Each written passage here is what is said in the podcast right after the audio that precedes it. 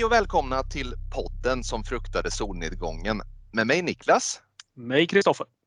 Idag Kristoffer har vi en stor dag för du och jag brukar lyssna på en podd som heter Skräckfilmscirkeln. Jag gjorde ett eh, försök för en tid sedan att eh, skicka ut eh, en förfrågan till Fredrik i Skräckfilmscirkeln för att förhöra mig om de ville gästa oss. Och det ville de så att de är här med oss idag. Så vi säger välkomna till Fredrik och Patrik från Skräckfilmscirkeln. Tack så mycket. Hello. Trevligt, trevligt att vara här. Mycket trevligt att ha er här. Kommer du ihåg Fredrik, jag skickade dig ett mejl och eh, frågade och du var tack och lov eh, pigg på att vara med och du önskade särskilt den här filmen som vårt namn så att säga baseras på då. Ja. Staden som fruktade solnedgången. Kan du berätta lite om, eh, var, var det bara kopplat till vårt namn eller hade du någon tanke där? Nej, det, ja, det var nog mest kanske kopplat till namnet för jag tänkte att ja, men ni, ni har väl redan gjort något. Men sen är det också för min del är staden som fruktade solnedgången. Det är en, en annorlunda film, eller åtminstone den har florerat runt för mig under väldigt lång tid. Jag har en stor nostalgi till den här filmen för den stod på hyrvideohyllan som en av the heavy hitters. Eller jag inbillade mig att det var the heavy hitters med den där mördaren med sitt påsansikte där och liksom ja, bara florerat så mycket tills jag äntligen väl såg den och den smälte väl inte så högt som jag trodde att den skulle göra.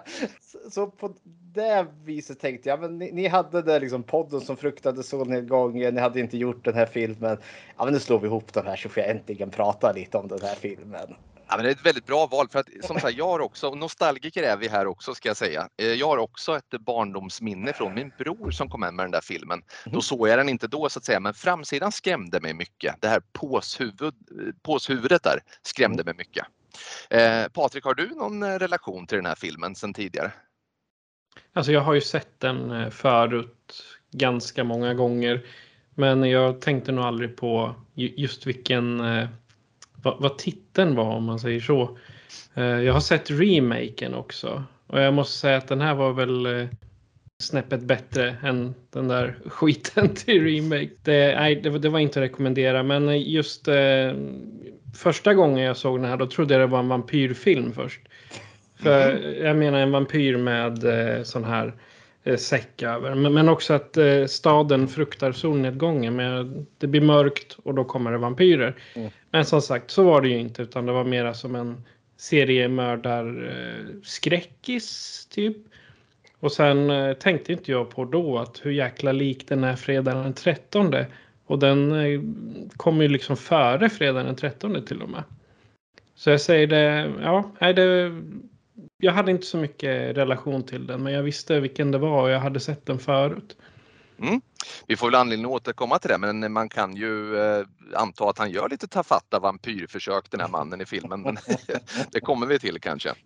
Eh, vad säger du Hoff? Har du, hade du sett den här sedan tidigare eller var det första gången? Nej, jag har med sett den. Eh, sen blandade jag också lite ihop den med den här. Är den bara en remake? Det är någon liten sån här. Den följer upp lite grann den här nyinspelningen också. Alltså det är väl, den är ju lite meta på det sättet. I, i, i uppföljaren, remaken, reboot, den från 2014. Där är ju filmen, den första filmen, bara en film.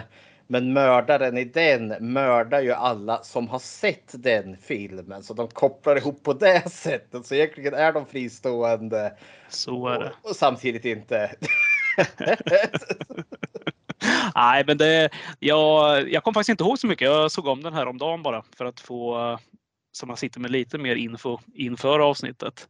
Men ja, det var kul. Det, det är roligt. Den kom ju 76, det är två år efter Black Christmas som är väl en av de första slasherfilmerna och så är det ju Mm. två år innan Halloween kom.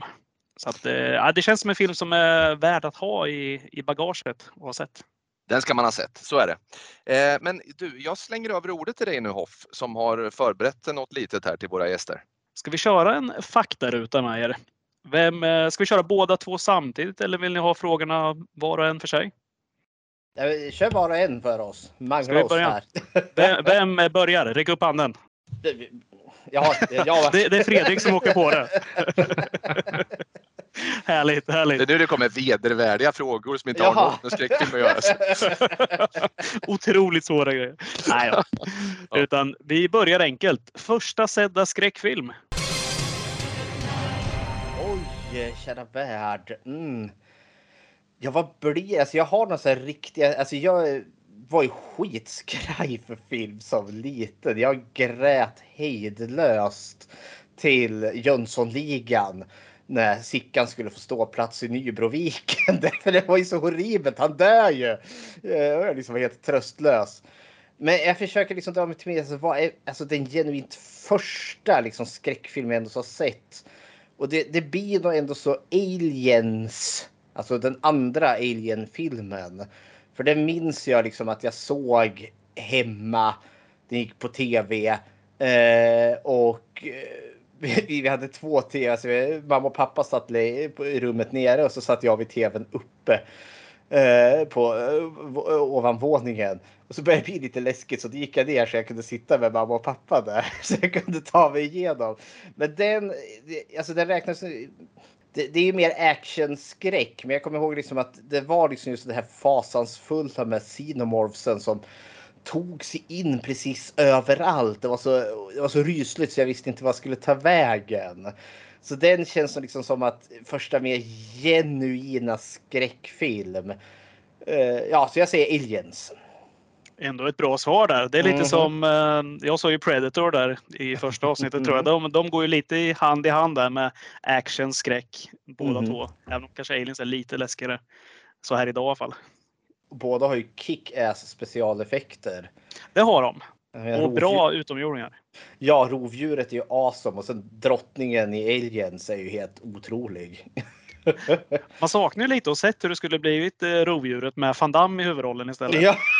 Det är något jag ofta funderar på. ja. Man ser den ju, här bilden. Mycket splits på rovdjuret då.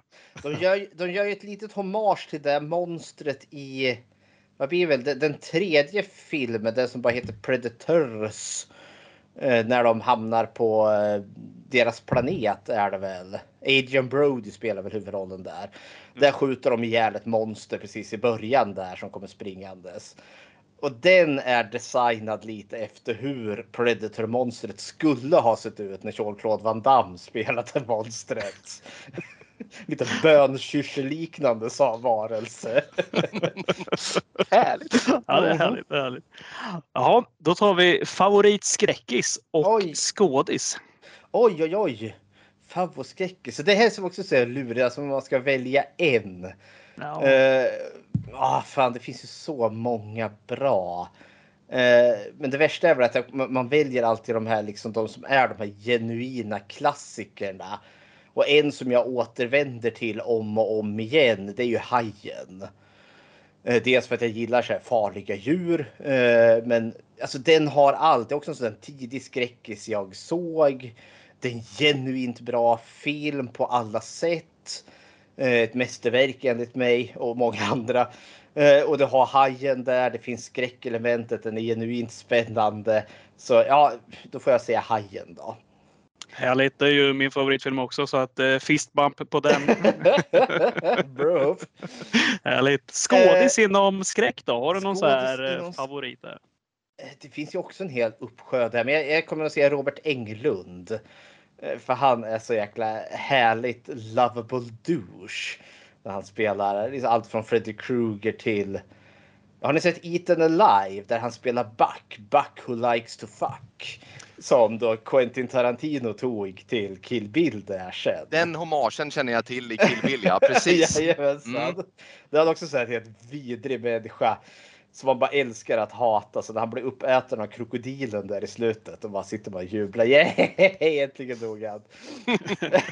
Han har ju gjort så otroligt mycket Robert Englund. Mm, alltså, kollar, det. man, eh, kollar man de här skräckfilmerna som kanske inte är de största utan de här, kanske inte näst största heller utan man börjar leta sig ner i C-träsket. Mm. Äh, Vem, vem stoltserar ofta på framsidan där med sitt namn? Det, ofta Ja. är det Englund Robert som eh, dyker upp där. Bara i den här Stephen King-filmen The Mangler som kanske är en av de sämsta jag sett. Där är han med också. Jajamensan, han blev Ja. hopvikt som ett lakan i slutet. Ja, det blir han. He had it coming kan vi He säga. Där är han också coming. ett svin. En otroligt härlig karl för övrigt. Han mm. brukar dyka upp på sci-fi-mässan i Sverige rätt ofta och är Jajamensan. genuint trevlig varje gång. Det är kul jag, har träffat honom där. och Det är väl kanske lite därför han smäller också lite högre. För jag kan ju bara skriva under det. Genuint trevlig karl. Så vi skulle ta liksom foto där då. Då hade han ju Freddy-klorna. Eh, och han gör ju CF. Jag trodde man skulle vara, för jag stod bland de första i kön. där, Så jag trodde liksom han skulle gå fram och vara liksom, jag skaka hand och vara snäll. Men han liksom bara röck mig i, i, i, i kragen där. Och sen drog han ju upp klorna mot halsen. Och gjorde någon sån där Freddy, eller Freddy Squeak där. Jag var så helt jävla oförberedd där. Så var det ju bara, tack för det. eller så knuffades man åt sidan. Och liksom, ja hej, hopp. Men han var trevlig när han gjorde det. Ja, han har ju fattat vad som gäller på de där mässorna. Edvard Förlång från eh, T2 bland annat satt ju på en Mhm. mässa där och han var genuint otrevlig istället. Åh. Satt i, satt i skinnjacka och solglasögon fast det var 30 grader varmt där och gav en fingret när man frågade om man fick ta en bild. Åh nej. Ja, Så att eh, shoutout till att Edvard Förlång är ett riktigt ärsle att gå och möta. Men, ja, Varför åkte de ens dit då? Han är väl i våldsamt behov av pengar. För det har Ja. inte gått så bra i hans karriär tyvärr. Nej, Jaha, då har vi två kvar här och det är favoritgenre inom skräck. Oj, eh, slasherfilmerna. Nu nämnde jag ju Hajen här. Eh, jag är vansinnigt förälskad i djurskräck. Eh, men jag är också vansinnigt förälskad i slasherskräck. Eller slasherfilmerna. De, de är ju inte helt olika varandra. I djurmonsterfilmerna så är det också, att ja de offas ju en efter en efter en. Innan man slutligen spränger djuret åt helvete. Men slasherfilmerna, alltså hjärtat klappar lite extra för dem. Maskbeklädda dårskallar som yxar ihjäl folk på löpande band. Mm, mm, mm, mums mums. Jag vet inte varför, men de filmerna är ju så sjukt repetitiva så man tycker liksom att man borde ju tröttna på det. Men nej, när jag sitter och är gammal och gubbe och man kanske har gjort Halloween del nummer 47. Jag kommer fortfarande liksom, liksom stöppla in med rullatorn där på biografen för att se Michael Myers kniva ihjäl nya människor. enig till 100 procent. Jajamensan. Det är ju något med de här slasherfilmerna och eh, djurmonsterfilmer att du, du behöver ju inte vara helt Helt nykter tänkte jag säga, men du behöver inte vara helt pigg när du ser dem för att du vet ungefär vad som ska hända. Det är sällan det är någon eh, twist som du måste hänga med i. Utan man kan oftast halvsova och ändå kan det vara ganska skaplig film. Sen är jag ganska svag för vampyrer också. Jag tycker det. eh, Vampyrmytoset gillar jag väldigt mycket. Men det finns tyvärr väldigt många dåliga vampyrfilmer. Men eh, har vi några riktigt genuint bra som en vampyrs bekännelse. Det, det är liksom det är standard, det är bibeln. Är the holy of them all. Så ja, det är väl mina dagar. Eh, slasher, djurisar och vampyrer. Härligt. Eh, Sista frågan i faktarutan till dig är den film som skrämt dig mest?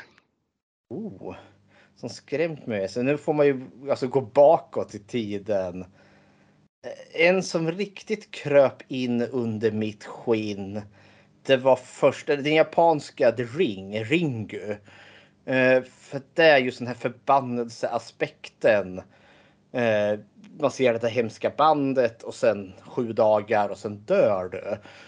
Jag gillar just att japansk filmberättarteknik, det funkar väl väldigt väl på min, ja då typ 17-åriga hjärna.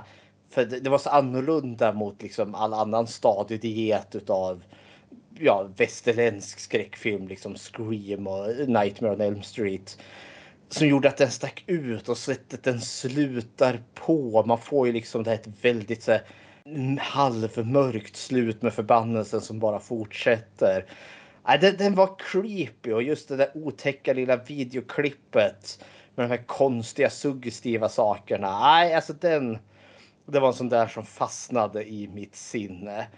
Sen har man blivit så jäkla luttrad när man har sett så att när jag blir genuint skrämd, då är det bara kul. Och jag vart det över så riktigt. Alltså, jag såg Mama från 2013 tillsammans med en kompis. Och vi vet inte varför, för den kröp in under huden på mig också. Och jag bara satt där och skrämde upp varandra i soffan. Två vuxna vänner som hoppade högt. I en ganska liksom klichéartad jump scare film. Men shit vad den var effektfull. Så ja, jag säger eh, Ringu och Mama. Mama!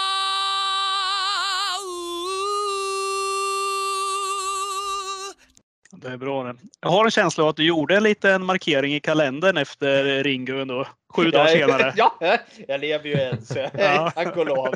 Du, du blundade igenom den där filmen för att undvika förbannelsen. Jajamensan. Patrik, heta stolen för dig då. Första sedda skräckfilm för dig?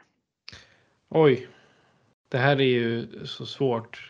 Jag kan säga absolut första skräck jag kom i, kom i kontakt med det var på mellanstadiet och någon intelligent lärare hade lagt en bok som hette Läskiga historier i eh, vårt klassrum. Och då pratar vi köttätande spindlar, maskbeklädda mördare, eh, flugor som äter barn. Liksom i den. Men eh, om jag ska säga den absolut första skräckfilmen. Det måste ju vara. Jag tror faktiskt det är Night of the Living Dead jag såg först. Den eh, alltså ursprungliga från. Ja, den, ja, den, den första Romero-filmen helt enkelt. Det är nog den absolut första skräckfilmen jag har sett så. Inte för att den är, just den är så läskig men därefter så gick det bara utför. Så att det vart det bara mer och mer skräck och från zombies till eh, halloween och de här stora franchiserna och sådär. Ja, men det är väl bra val. Romero är väl en eh, perfekt inkörsport också. Svartvit eh, klassiker och där kör ju ni en Romero special i eran podd också just nu. Jajamän. Vilken film är vi på nu?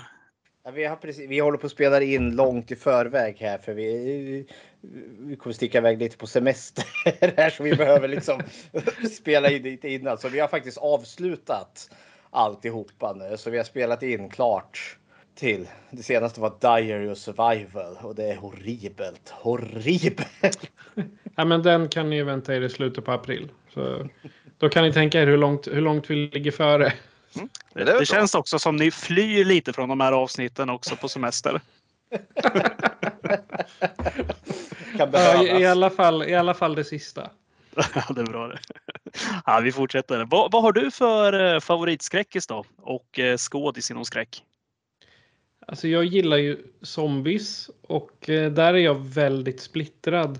Men eh, det är faktiskt Living Dead-serien överhuvudtaget, alltså de fem. Även fast Diary och Survival är riktigt eh, eh, skräp så tycker jag ändå om eh, zombiesarna. Så att jag vill inte bara säga en film utan jag kan gärna få säga de eh, Romero-zombiesarna plus eh, Zack Snyders eh, eh remake av Dawn of the Dead förstås. Då. Så att, på sätt och vis är de ju i samma universum. Så Night of the Living Dead med syskon. Måste jag fråga där när vi pratar om zombiefilmer. Såg ni den här Army of the Dead? Den här eh, som kom nu för, vad kan det varit, ett halvår sedan säger jag. Det är säkert längre tid sedan. Eh, den var väl lite sådär. I alla fall i, i min smak. Ja, Ja, det föll såg- mig inte alls i smaken. Jag såg den också och jag kände väl att det var så där. Jag kände att jag hade hellre velat sett när Las Vegas föll. Alltså den första tio minuterna Army of the Dead när vi får se liksom stripporna attackera de äckliga gubbarna som sitter där med pengarna. Ah! liksom när zombie Elvis kommer där. Det är liksom, åh det här är ju roligt. Men det, det, alltså, Army of the Dead är ju nästan steget efter survival. När eh, zombierna börjar få lite mera än ingenting i eh, intelligens. jo, ja, de blir alfa zombies eller kung-zombien där. Ja. Ja, det, det, ja, det var väl kul, men inte mycket mer. Ja, det är ju svårt att göra en skräckfilm med Dave Bautista i huvudrollen också. Det är liksom att The Rock skulle komma in i en skräckfilm. Det, det går inte att ta på allvar. Nej, det, Det lär komma. Det lär hända. Man får ju kombinera det lite snyggt. Man kunde ju få ihop Jason Statham eh, tillsammans i en gigantisk hajfilm där med Meg.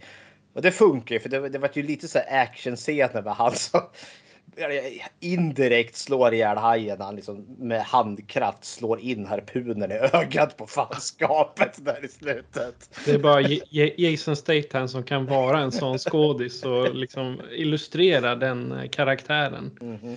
Sen har de en tendens att klistra på de här, eh, Jason eh, och The Rock och så här, att de, ska, de har sådana utbildningar, de är marinbiologer och de är liksom, de, alltså det är orimligt. Jag kan aldrig se någon av dem gå den utbildningen och ta sig ut på andra sidan. Liksom.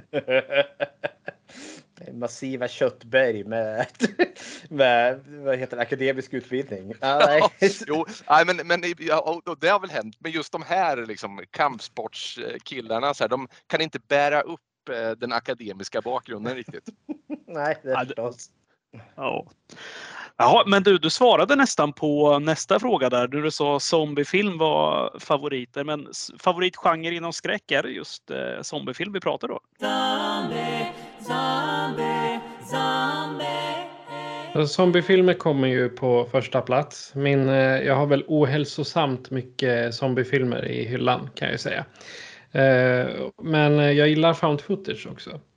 Kanske inte att alla found footage-filmer är bra, men jag tycker ändå tanken bakom dem eller principen. Men jag tar Blair Witch Project.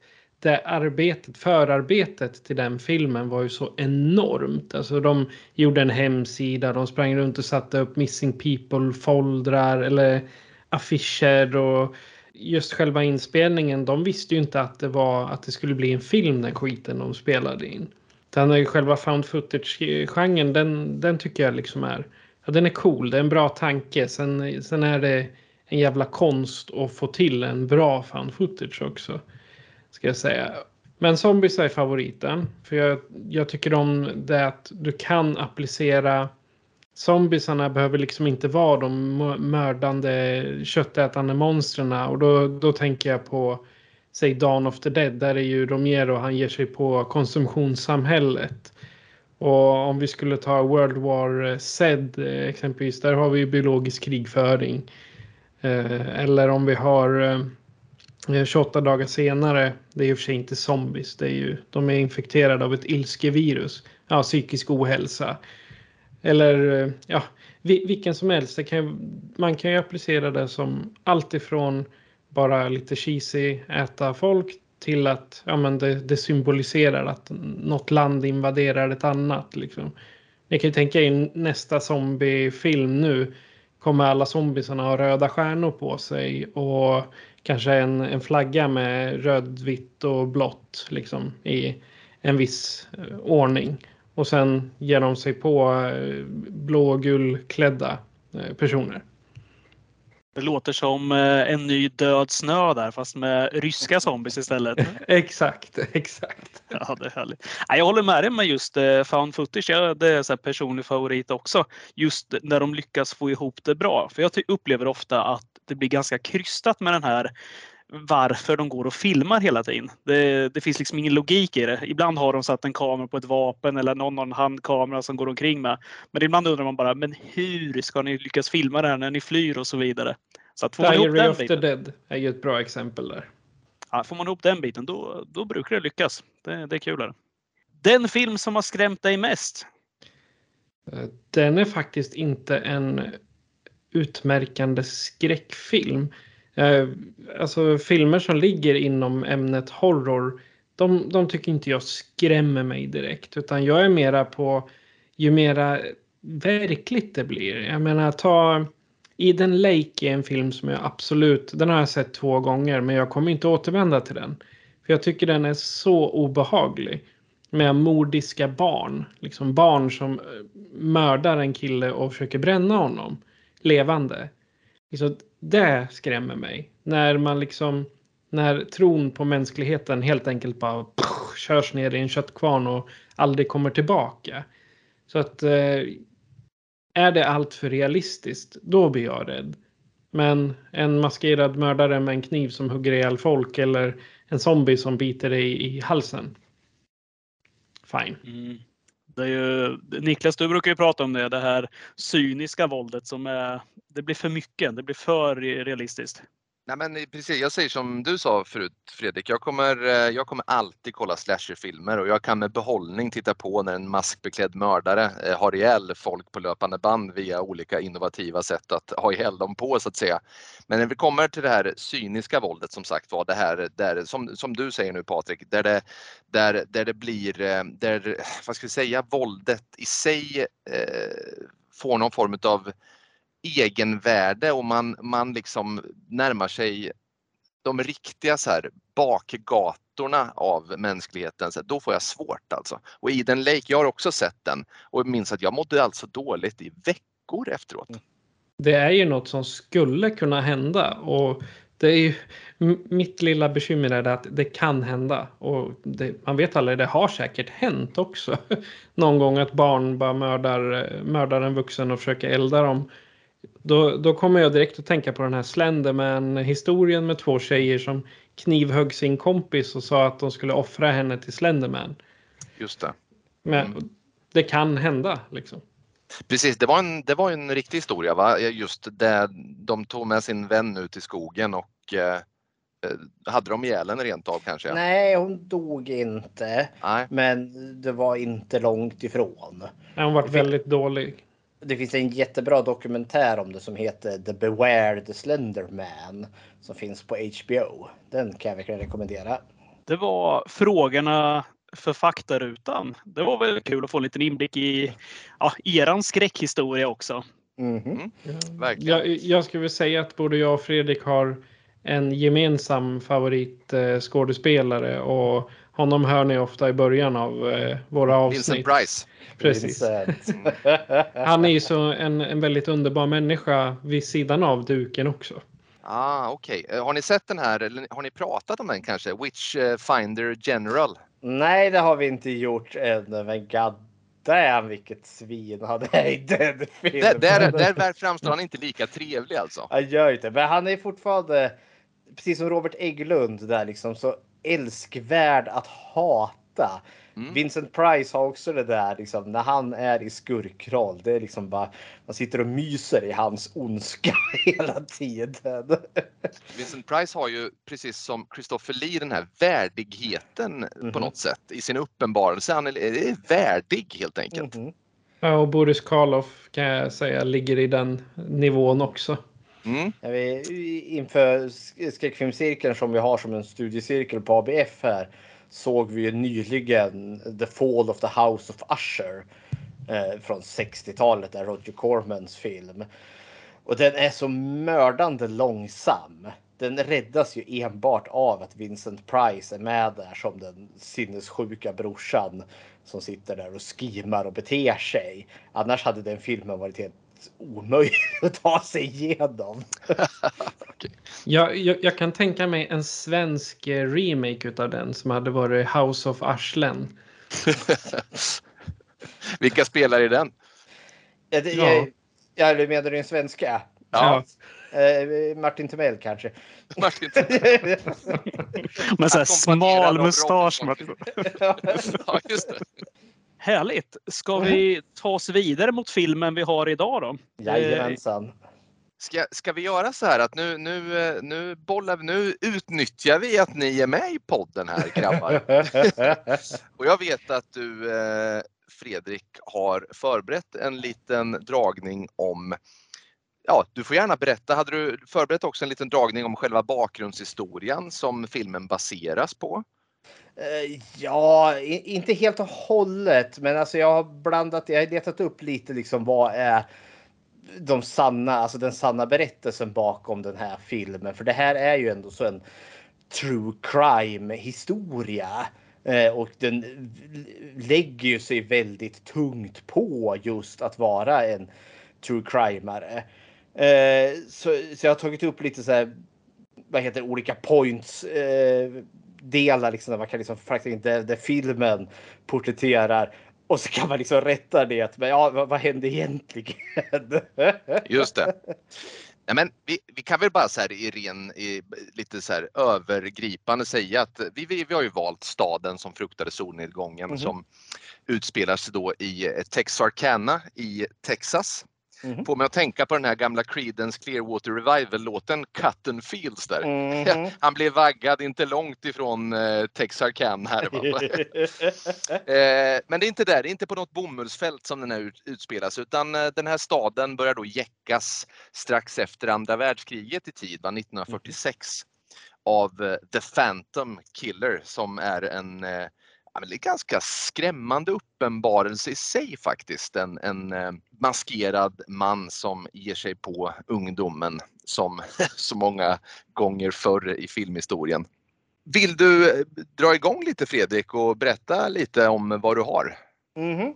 Jo, det stämmer ju där. Precis efter 40, alltså 46 där i februari drar ju det här igång. I filmen så är det ju i mars. Vilket är lite lustigt för filmen inleder ju liksom med en, på, lite på ett dokumentärt vis där du har liksom en berättarröst som liksom eh, förklarar att detta är baserat på sanna händelser. Eh, och det enda som har ändrats på är namnen för att skydda identitet, whatever. Uh, och det här tror jag var en del i säljpitchen så varför jag kanske inte tyckte om den liksom när, när, när jag såg den i början. För det var lite true crime-fasen kickade in där. Liksom, oh, seriemördare, Jack the Ripper, Ted Bundy. Oj, oj, oj, så spännande. Uh, och den säger ju att den är sann. Då måste det ju vara så här. Vartefter jag har blivit äldre så har man väl liksom insett att ah, vi kanske kan kritisera det här lite. Men som sagt, filmen utspelar sig i mars. Eh, eller börjar eh, eh, det här i mars. Och den här berättarstilen, för vi får ju bild utav Texarkana. Och det är en väldigt idyllisk bild. Vi ser ju verkligen den amerikanska drömmen där. Det är liksom hel yllebanan allting. Och alla mår skitbra och det är jättefint. Och sen kliver han in. Vi får liksom bara se fötterna på det som kommer bli The Phantom Killer jag tycker filmen hintar åt att han kommer utifrån. Eh, eller om han liksom alltid fanns här. Men bilden jag får är som att han bokstavligen kliver ut ur en gränd. Så får jag lite den här, ja men Haddonfield, ondskan som kommer till. Michael Myers som kommer till det här lugna samhället. The Phantom Killer som kommer till det här. Eh, vi har ju inledningsattacken på det här unga paret. Eh, och det är det märkliga nog i den här filmen så är det attackerna som är de som kanske är mest korrekt eller har åtminstone mest i sig som är korrekt till den sanna händelsen. Utöver det är det jäkligt lite som är korrekt. Men vi får ju det här ungdomsparet Varav hon ser åtminstone ung ut. Han vet jag inte riktigt om jag köper för han verkligen så han börjar bli som jag, liksom tunnhårig här på vad ser bara hårfästet bara jonk, försvunnit upp här. Ja, de säger att han är 24 men han ser ut att vara 54 åtminstone. Ja, men hon, hon känns lite mer, men hon kan vara 18, det köper jag. Men det är inte den där gamla gubben. Jag, jag fick ju lite blickar till, till mig själv när jag såg honom bakifrån första gången. Men jag, jag är 36 snart och jag börjar bli gråhårig redan nu. Det dålig, dåliga gener, det, men det har ingenting med det här att göra. Men han, jag såg nästan mig själv bakifrån där man börjar tappa håret och jag menar, är man då 25 och börjar, menar, då kanske det är dags att uppsöka en läkare eller åtminstone se över sin genpool. Jag förstod ju att det var därför de åkte ut i skogen också och satte sig långt där ingen kan se en. Det hör, hör väl till den här filmen att, eh, oh, nu har jag inte hans namn, men regissören här, han kommer ju från Texarkana. Eh, och han, eh, de gjorde ju, han gjorde den här filmen The Legend of Bog Creek innan, alltså Bigfoot legend. Och det, där spelade ju han in i närområdet av Texarkana och den vart ju lite populär och då återanvände han, han gjorde liksom samma sak här med Texarkana true crime berättelsen och så använder han lite av lokalbefolkningen att spela i de här. Så jag chansar på att det liksom är de som är det här kärleksparet är lite inhemsk, inhemska skådespelare.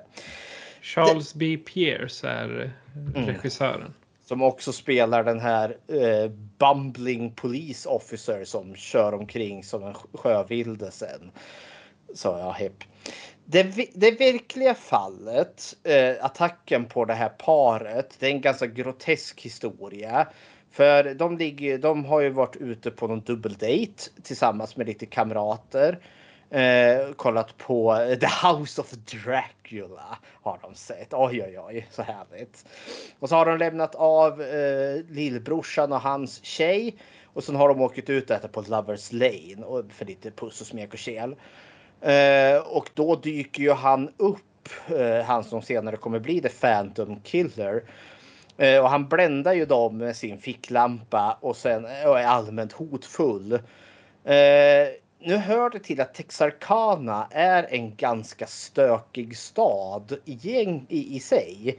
Filmen målar ju upp Texarkana som en jättemysigt litet ställe där vi liksom alla har vitmålade staket och alla mår jättebra. Det är verkligen hunky dory till som med att den här mannen dök upp.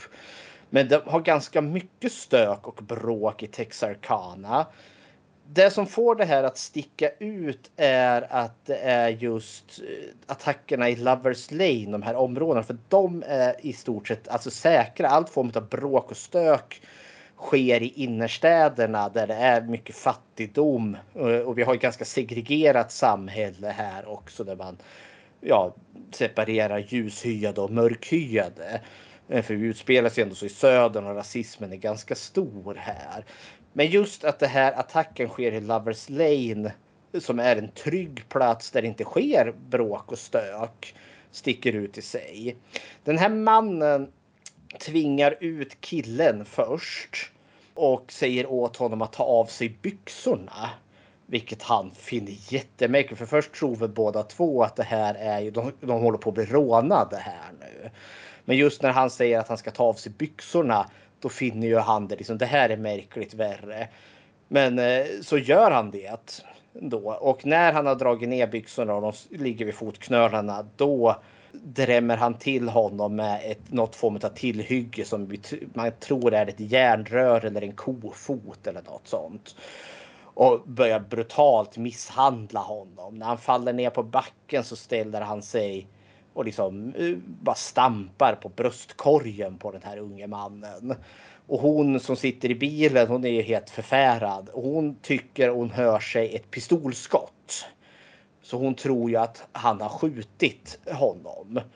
Det visar sig att så är inte fallet utan det hon hör det är när han slår honom så hårt i huvudet med sin kofot eller järnrör att skallen spräcks. Så den skallen spricker som hon tror är då pistolskottet.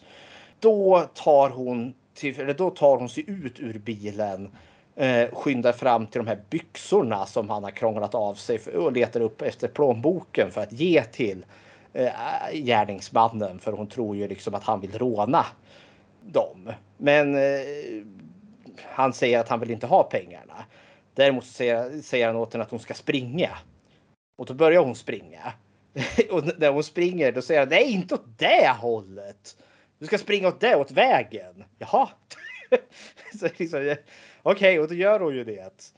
Och så med hon springer, hon har högklackat på sig, det är mitt ute i skogen, det är mörkt. Så det går inte så snabbt och hon kastar blicken bakåt med jämna mellanrum.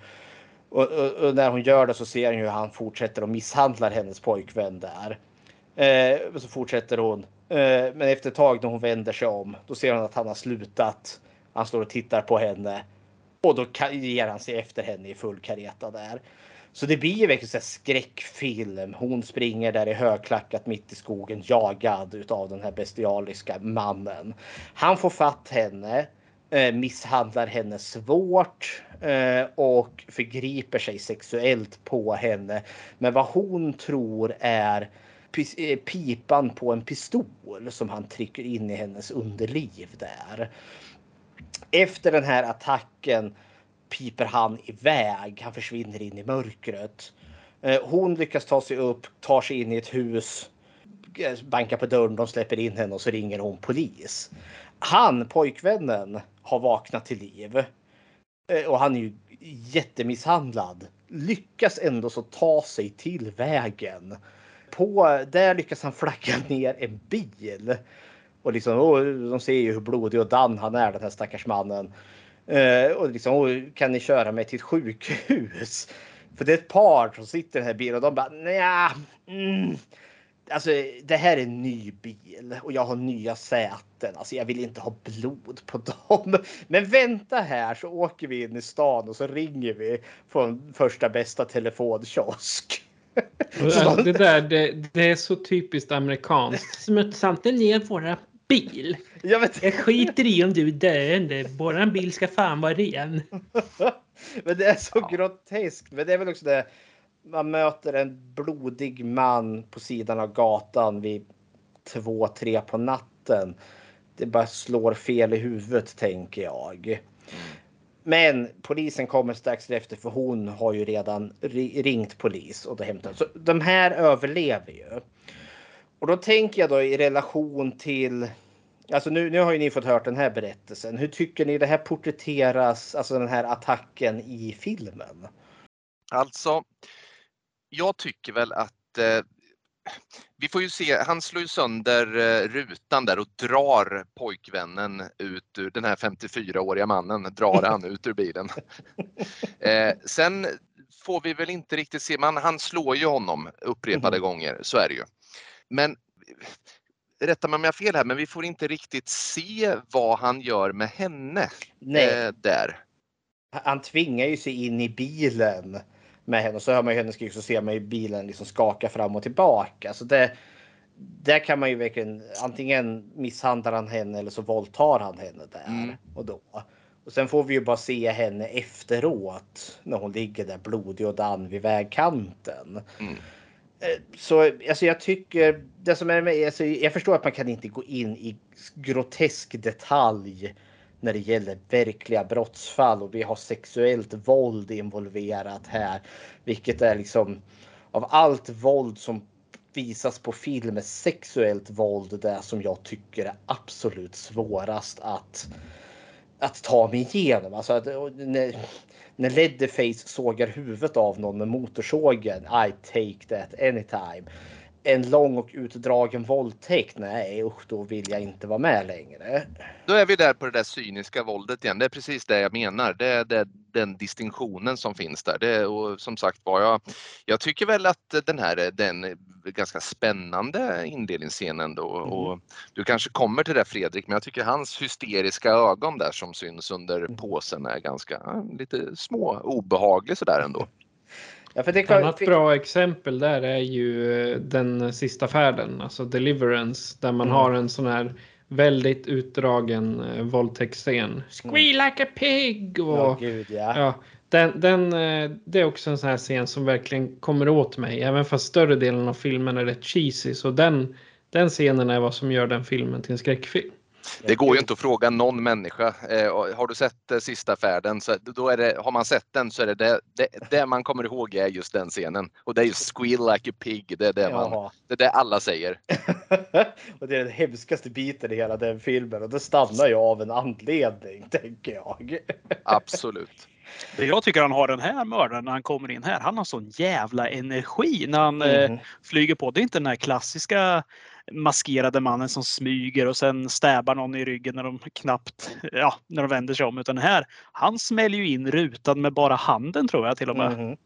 För, för övrigt jävligt dålig bilruta ser ut att vara gjord av plast när man kollar. För den, liksom, den, den går, det blir ett hål och sen sliter han bort resten. Det blöder för jävla mycket men äh, det är en sån där skitsak. Men äh, det var kul.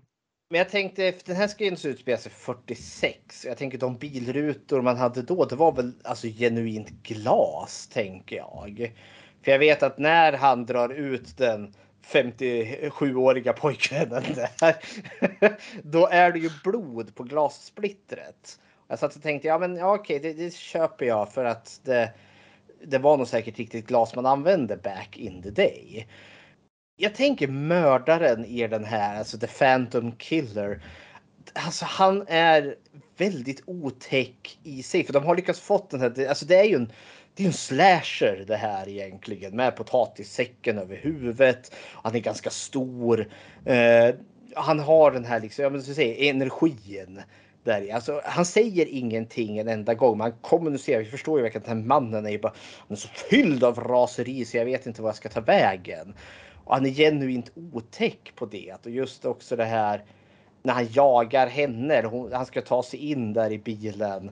Han får ju bara in handen och då, då drar ju hon in dörren där och han liksom försöker ändå ta sig in och hon skriker. Det, det är sådana slasher-vibbar över de gånger han är med.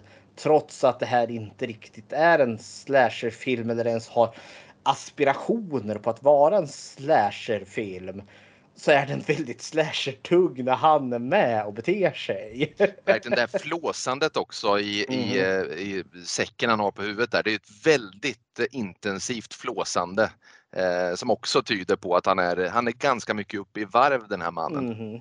Och det gör ju honom väldigt otäck. Och när det kommer till hans mask, varande eller inte varande, för i det verkliga fallet Eh, Eh, hon som, för de här båda överlever ju, både i filmen och i verkligheten gjorde de det. Eh, hon säger ju att han har en mask på sig. Eh, något form av antingen en potatissäck eller ett örngott som han då har klippt hål för ögonen. Pojkvännen däremot säger ju att han inte hade en mask. Men där kan man inte, alltså det, jag tänker nog säga att för han har både liksom fått en eh, skallskador så det är svårt att veta och man kan inte förhöra honom först typ en månad senare eftersom att han ligger liksom på sjukhus och är inte talbar förrän dess. Hon hävdar ju däremot att det här är en mörkhyad man. Eh, med, medans pojkvännen menar att det var en ljushyad man. Så det är jävligt svårt att veta vad som är vad. I den verkliga berättelsen så tänker jag ge det till sheriffen som valde att inte gå ut med misstanken om att det var en mörkhyad man. För de hade liksom året innan haft en lynchning då liksom en, på en mörkhyad man som bara varit misstänkt för att liksom ha förgripit sig på en ljushyad kvinna där man liksom kedjade fast han bakom deras pickup och bara släpade han genom gatorna i, i Texarkana där. Så ja, det hade, hade man liksom gått ut med hennes uppgifter då hade man ju lätt haft en hemska massa lynchningar i Texarkana. Men det är också en liten bild över vilket spänt läge det var i verkligheten. För det uppstår ju inte alls i, i filmen. Där är ju verkligen allting hunky dory till som är Phantom Killer då. Och sen är det här liksom mitt i bibelbältet i 40-50-talets USA där Ku Klux Klan liksom är, är större än regeringen nästan. Mm -hmm. Så det är ändå hyfsat bra att de är tidsenliga. Mm -hmm. Verkligen och ändå ganska, nu när du säger det, ändå ganska skönt att de släpper den taken på att, eh, att, att den får ett så alternativt spår då att, de, att felaktiga människor står anklagande, gärna svarta människor som sagt var, så att vi får det som en, som en egen del av filmen. Utan jag, jag tycker nog att det var rätt klädsamt att de lät det vara i den här filmen faktiskt. Mm -hmm. Vi får ju inga som helst misstankar om vem den riktiga mördaren kan vara i den här filmen. Liksom, The Phantom Killer tar ju aldrig av sig masken tydligen. Nej, nej.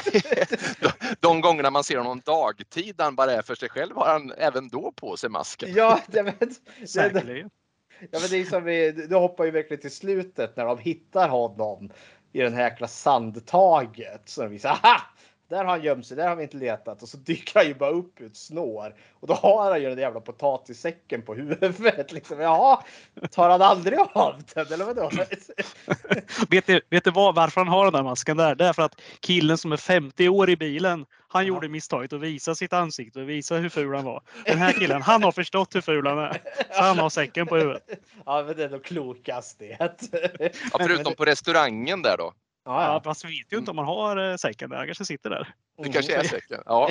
det, det är ett jäkla val av mask för övrigt den här. Alltså det är en potatissäck. Den sitter ganska löst just Mhm. över, över ögonen och sen sitter det fast med någon slags så här, litet rep runt halsen där. Mm. Det känns som att den borde och så är det bara två utskurna hål för ögonen. Det känns som att den borde flyta runt ganska bra över ansiktet. Man tycker ju det. Men det, det, den är sjukt effektfull för det, han är genuint otäck. Den här eh, mördaren. Alltså det, det, det är liksom en, en skrämmande bild att se. Han i mörkret där tycker jag. Och det tyckte de bevisligen i fredagen den 13 del nummer två. där Jason inte riktigt har hittat den här hockeymasken ännu utan kör ju potatissäcken därmed.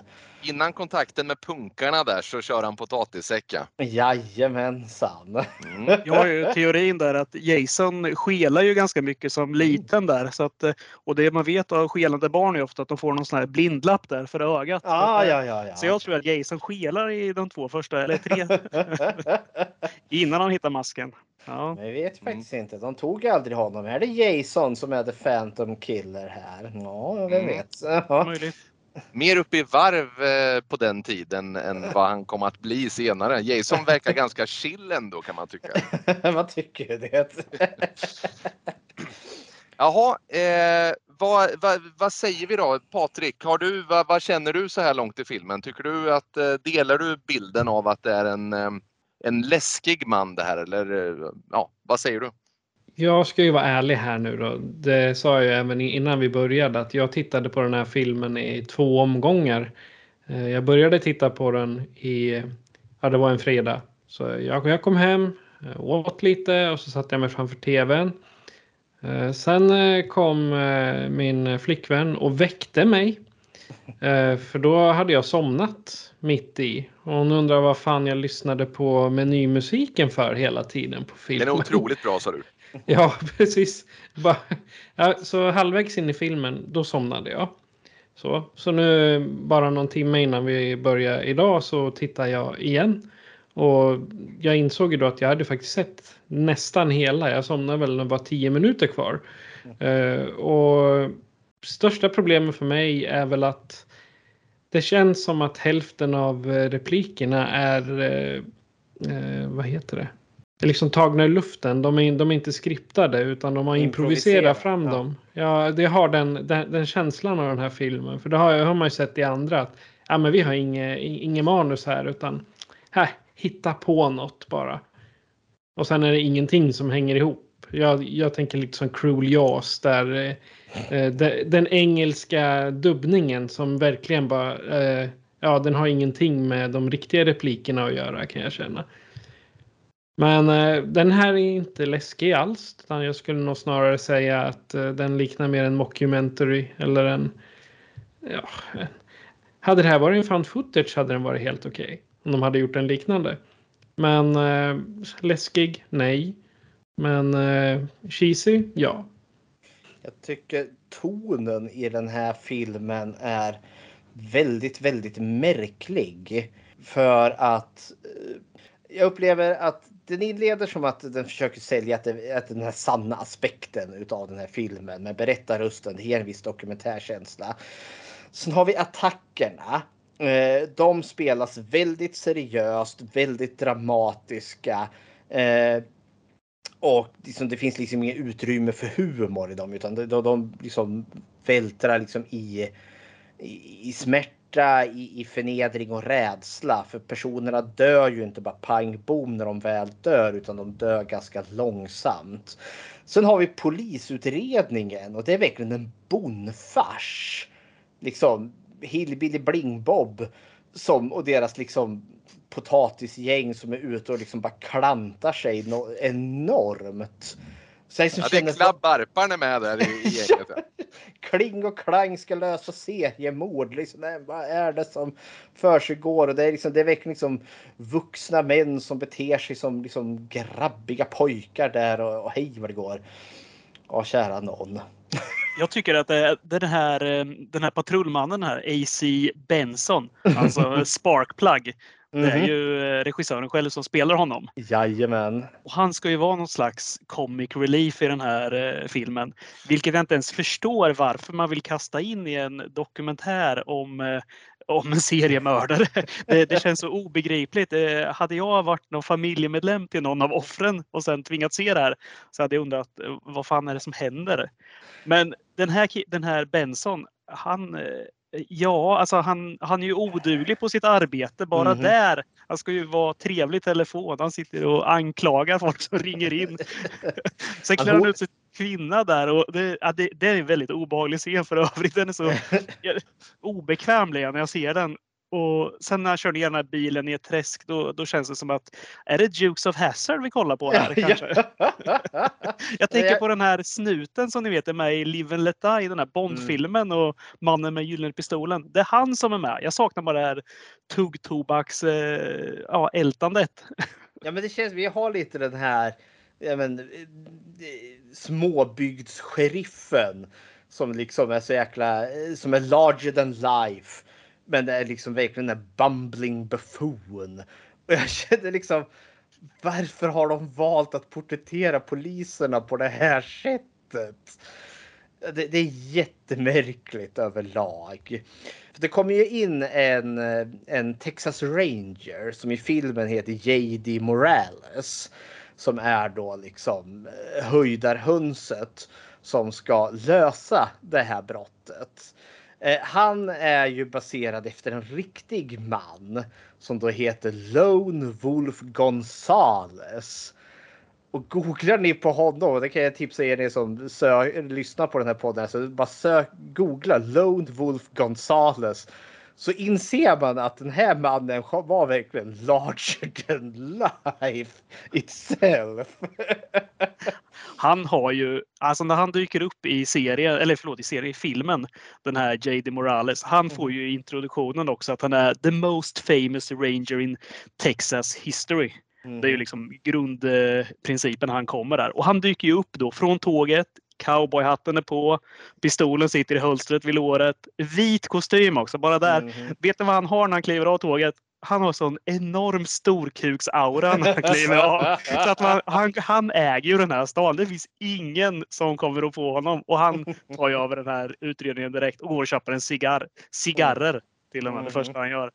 Ah, han är Och Han, benhård. blir ju, han går ju runt som en, han går ju runt som någon form av så här, men mer så här hårdhudad Jesusgestalt i den bemärkelsen Mm. att han blir behandlad med så oerhört mycket respekt av alla. Det spelar ingen roll, det är allt från poliser till media till innehavaren av den här tobaksaffären.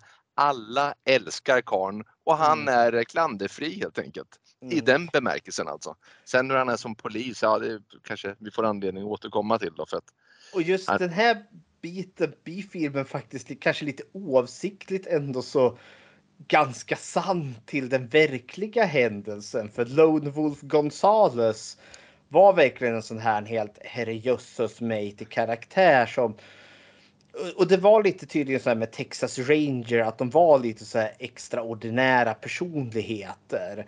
Och han var en sådan. Han gick omkring och skröt bland annat om att han har ju eh, dödat 25 personer. Bad guy, så han bara skjutit ner som den actionhjälte han är. Och man tror nog också liksom när man i efterhand liksom blickar bakåt på den här utredningen att mycket bara harpunerades av stjärnglansen hos den här Gonzales som bara svepte in här och liksom alla poliser liksom vart som små pojkar som bara springer omkring. Liksom, oh, oh, oh. Och man liksom han eh, liksom Ja, men han, han, han är i media, liksom allting, allt fokus hamnar på honom egentligen för utredningen. Och där tänker jag att JD Morales, ja men han blir ju lite så även om nu liksom Morales ändå så porträtteras som att han faktiskt utreder brottet. Gonzales var väl mest där i verkligheten för att liksom smeka hans kändisskap. och det hör till också att Gonzales kom in verkligen i slutet utav den här berättelsen. För i det verkliga fallet kopplar man inte ihop de här morden förrän närmare slutet. I, i, i, I filmen då är de ju på det här väldigt snabbt. Redan efter första attacken där att hej, någonting är märkligt här och efter första dubbelmordet. Eh, då kommer ju JD Morales in. I, i, I det verkliga fallet så är det inte förrän eh, efter ja, vad blir det, trombonmordet som han kommer in. Jag menar det, han får en fråga av en eh, journalist när journalisten, nu kommer jag inte exakt ihåg vad hon säger och han svarar, det har jag inte tänkt på. Jätte, jättebra svar av en polis. Han är ju också benhård när han får frågan Kommer ni ta den här mördaren? Och han har ju två alternativ där. Det är ju bara ja eller så dödar vi honom. Ja. Han är ju benhård. Ja, Men rätta mig om jag har fel här, men eh, även eh, namnet eh, The Phantom kom ju till efter själva morden när de hade slutat. Och även det här med att de klädde ut poliser som kvinnor, vilket är ganska kul Mm. Det var ju också något de började med efter när allting var slut. Ja, det- fanns. Det började närmare slutet. Alltså, vi, vi har ju de här. Alltså, han attackerar ju par i Lovers Lane i deras bilar fram till som är sista attacken, för den sker ju i ett hem. Det är mellan den, alltså den sista attacken och den här attacken, eller den sista attacken i bilen och attacken i huset. Däremellan har de när de har eh, sina decoys, poliserna utklädda. Men de börjar tydligen inte riktigt så. Utan i början så använder de verkligen ja, men, polisernas egna tonåriga barn. Medan polisen ligger typ i busken och trycker så har vi satt liksom sonen och sonens flickvän i en bil där på Lovers Lane i hopp om att den här galna mördaren ska dyka upp. Och för att attackera dem så springer de heroiskt ut och griper han. Det är också så här lite så här, nej. Nej, så gör vi inte va? Ja, jag läste att de hade poliser uppsatta, uppklättrade i träden där runt eh, Lovers Lane. Det, det känns som att man måste ha en rejäl styrka om du ska få poliser att klättra upp där och sen Mhm. utan dagens teknik också. Det blir rätt, rätt många träd. Jag tänker nog också att det skvallrar kanske lite om alltså seriemord. Man har väl inte ens benämningen seriemördare back in the days här. Jag har ju lärt mig efter Mindhunter tv-serien där att det kom ju inte först på 70-talet när man började tänka de här banorna. Alltså blickar man bakåt på det verkliga fallet så tror jag inte att det här var liksom random acts utan han verkar ha förberett sig ganska väl. Han har säkert legat och lurpassat ganska länge på de här områdena, liksom spanat dem. Och sen har han väl liksom väntat på att något par ska dyka upp och då slår han till. Så nej, alltså det här att liksom lura ut honom, det är inte en given strategi. Alltså, vad ska vi säga om, alltså de, här Filmen är ju å ena sidan en, jag menar, vi, ska säga det är ju inte riktigt en slasher även om den har eh, tydliga slasher-vibbar och även om den så att säga utspelar sig i, som du sa i början där Hoff, mellan Black Christmas och Halloween i tid så har den, har den tydliga slasher-drag. Men sen är det som sagt var de här poliserna. Poliserna och, och den fars som det blir när de kommer. Vi har eh, de här eh, så att säga eh, eh, skämten som hela tiden dyker upp. Alltså, så det, hur känner ni, vad känner ni inför det faktum att filmen inte tycks veta vilket ben den ska stå på? Att vi har å ena sidan den här mordutredningen med lite skräckvibbar och sen har vi den här komiken. V- v- vad känner ni där? Alltså det är ju, jag tycker ju att den, den har ju ingen aning om vilket ben den ska stå på. Om det här är att den räknas in som en slasher, då är det ju rent oturligt egentligen. Jag tror inte de har någon aning. Han eh, som gör, gör den, Charles B. Pierce, alltså jag tror inte han har någon aning av att den här tar den vändningen. Han vill göra en mordhistoria med lite Ja, men det är lite slapstick och det ska vara lite så här 70-tals biljakter och, och så vidare. Men äh, det här, sen de här skräckscenerna, alltså morden, det, det är ett för oss är det väl turligt för att det blir ett bra skräckmoment men det är lite oturligt i filmen kanske för det passar så otroligt dåligt in tycker jag. Jag tänker på speciellt på en scen när de har satt dit en, eh, ja men det, det kommer in en man som vittnar om att han har blivit eh, rånad eller han har blivit eh, så att säga hotad till livet eh, när han skjutsar in en man eh, till stan. Eh, och så lyckas de gripa den här mannen då så kommer ju, så kommer ju det där, de, det här polisgänget med den här så att säga, eh, nu tappar jag namnet på han, eh, Morales. Ja, precis.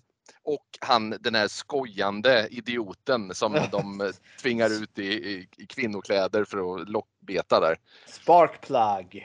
Sparkplug i full då är det riktigt, då är det riktigt Eulalia Åsa Nisse-vibbar Mm. när de kommer dundrande in mycket senare än alla andra, kör rakt ner i träsket där också med bilen liksom.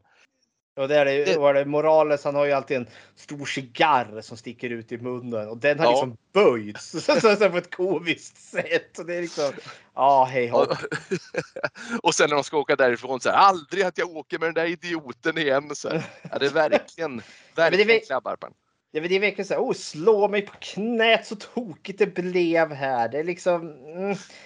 Och det är liksom, för det är också den här, i och med att det är en så en true crime berättelse. Jag tänker, för jag sitter och funderar, så det här är ändå så, det, det verkliga brotten skedde ju 46 och den här är gjord 76, så 20 år senare. Vi vet att två utav de här offren det som kanske är i filmens mest standout scen, den här flickan eller unga tjejen som blir ihjälhuggen med när han fäster en kniv på en trombon. Och så liksom, det här, vad heter det, det som man drar ut på trombonen. Och så hugger han ju henne till döds med den.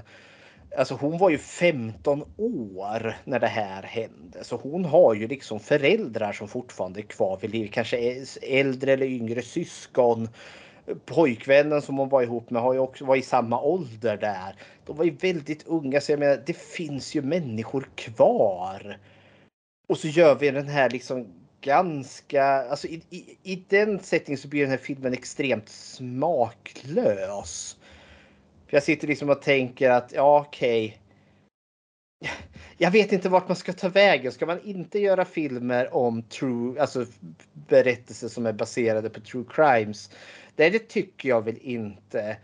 Men det finns takt och ton och kanske när man väljer att göra dem. Ja, det, det, det är knivigt.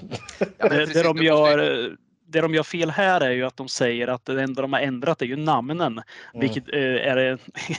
jo, den har ju gjort lite fler ändringar. Och om jag bara får ta den här, den här trombonscenen, för det, det är ju också en jättemärklig scen där. Hon, I verkligheten hette hon ju Betty Joe Booker, hon som Mhm. vart eh, mördad här.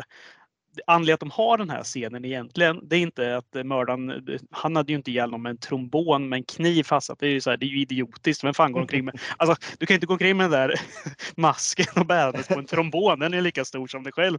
Och sen fästa en kniv. Det är, det är inte så vi kollar på. Nej, anledningen var att hon spelade saxofon den här lilla 15-åriga tjejen och den försvann i samband med morden. Om den vart stulen eller inte, vem vet. Men ja, det hade ju inte varit lika häftigt om man fäste en kniv på en saxofon. Det är jävla svårt att med det. Det, blir så uppenbart att han regissören ändå har liksom fäst vid den här saxofonen då som var i verkligheten och gjort det till en trombon. Och liksom man ser att de finurlat ut liksom. Vi måste ha en standout scen och då blir det den här. För i verkligheten så var ju det här liksom en genuin detalj för de hittade inte den här saxofonen förrän jag tror ett halvår senare. Och den var ju liksom värdefull så liksom om man hade ju span på typ eh, alltså vad heter det? pantbanker och sånt om någon skulle komma och liksom casha in den där. Ja, för då kan man ju mycket väl tänka sig att då är det kanske mördaren som har den. Men sen hittas ju den typ ett halvår senare och då finns det ju en tanke om att kanske mördaren själv har dumpat den för att mördaren förstod att han kan inte sälja den för det är liksom åtminstone inte här. Men ja, ja, ja. Nej, det blir, absurd, det blir en absurd scen och det är, så även om hon hade med sig trombonen själv här nu så blir det ju ännu mer absurt när han med den här potatissäcken på huvudet provspelar den. Han Mhm. gör ett par blås i den här trombonen först. Här. Mhm. Ja, det, blir, det, det är smaklöst som du säger Fredrik. Jag, jag som nära anhörig eller som liksom, att ta del av det där verket om man har en mer personlig så att säga, om man är personligt involverad skulle, skulle vara ytterst smaklöst faktiskt. För det, blir, för det, det är en ganska stark scen i sig. För det, vi drar ju ut den så på tiden. Han, han, be, han eh, jagar fatt henne i skogen. Eh, hon skriker och gnyr. Nu är skådespelet inte det bästa. Men han, alltså, han binder fast henne vid det här trädet och hon är så hjälplös. Och sen just också det här att han som du säger, han, han tar lite testturer innan han börjar knivhugga henne. Så liksom det är en märklig scen. Men samtidigt eh, att man ser liksom bara eh, hur han liksom vibrerar när han gör det. Liksom. Det finns ju något liksom sadistiskt leksamt med det här som då passar en sån här galning ändå. Och liksom men samtidigt att veta liksom att det här är regissörens fria tolkningar för vi vet ju inte vad som hände där egentligen. Vi vet att hon blev våldtagen och att han sköt henne. Eh, saxofonen hade ju ingenting med saken att göra, men alltså ja.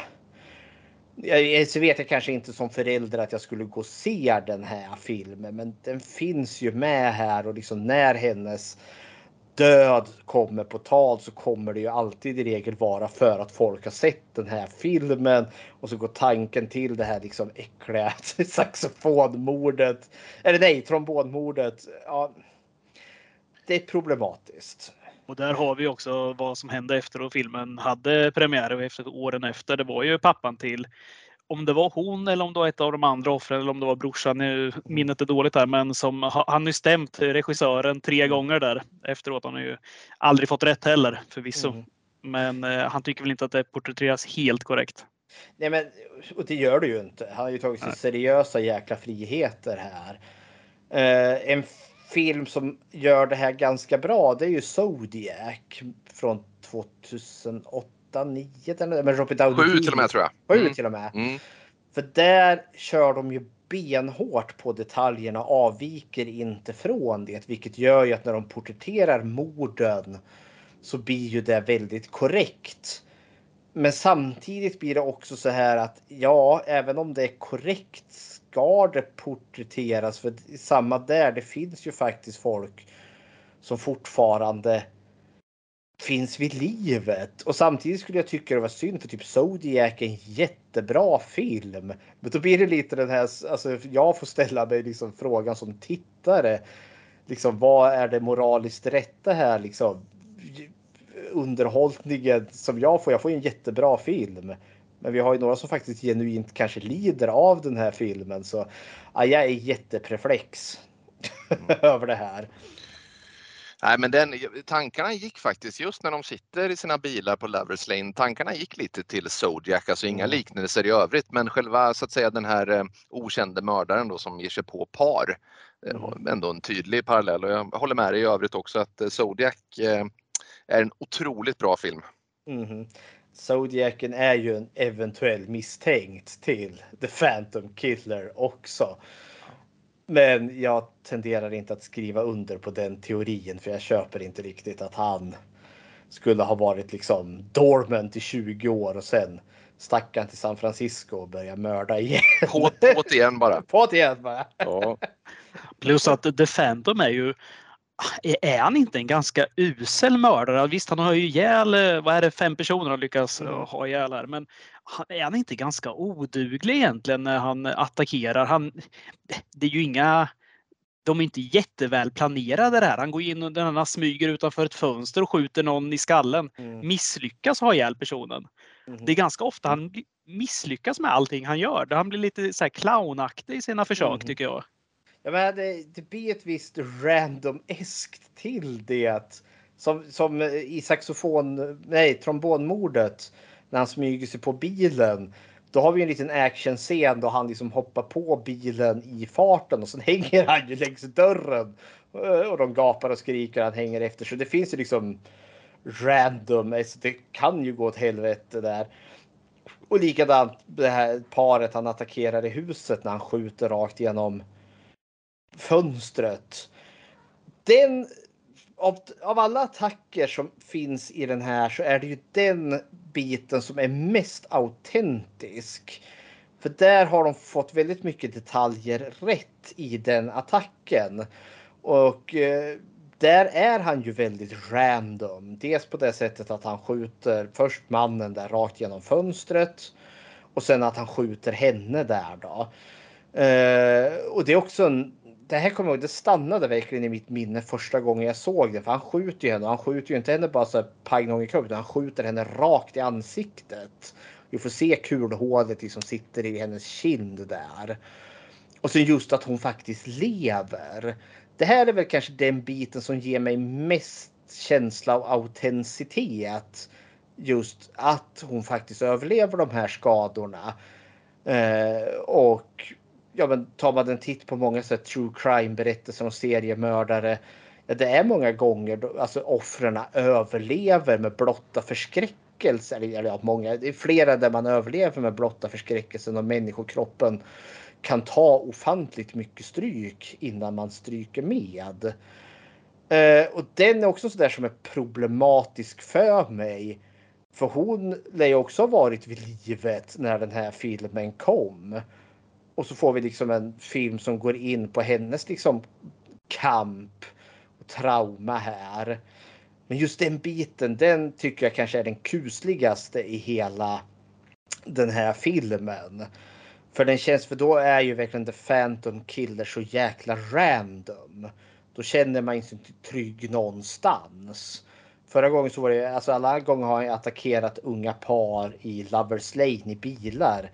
Nu kan du ju verkligen bara sitta och läsa tidningen i ditt vardagsrum och så ställer han sig utanför dörren eller utanför fönstret och bara pangar ner dig. Det är ju skitobehagligt. Verkligen. Eh, och, ja, som sagt var, jakten går på och eh, morden blir, eh, ja, han gör några attacker till. Så här. Känner ni, no du var inne och snurrade på det lite nu Fredrik, men är det någon scen som sticker ut på ett positivt sätt i övrigt tycker ni i filmen? Vad, som ni känner att det här, det här är bra?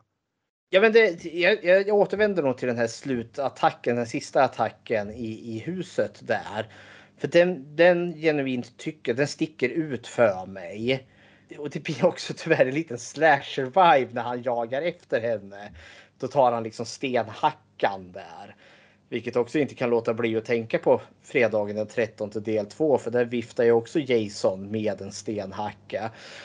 Nej, men den scenen tycker jag är genuint spännande och bra. Hon gömmer sig i majsfältet där och så får hon hjälp av sin granne där sen.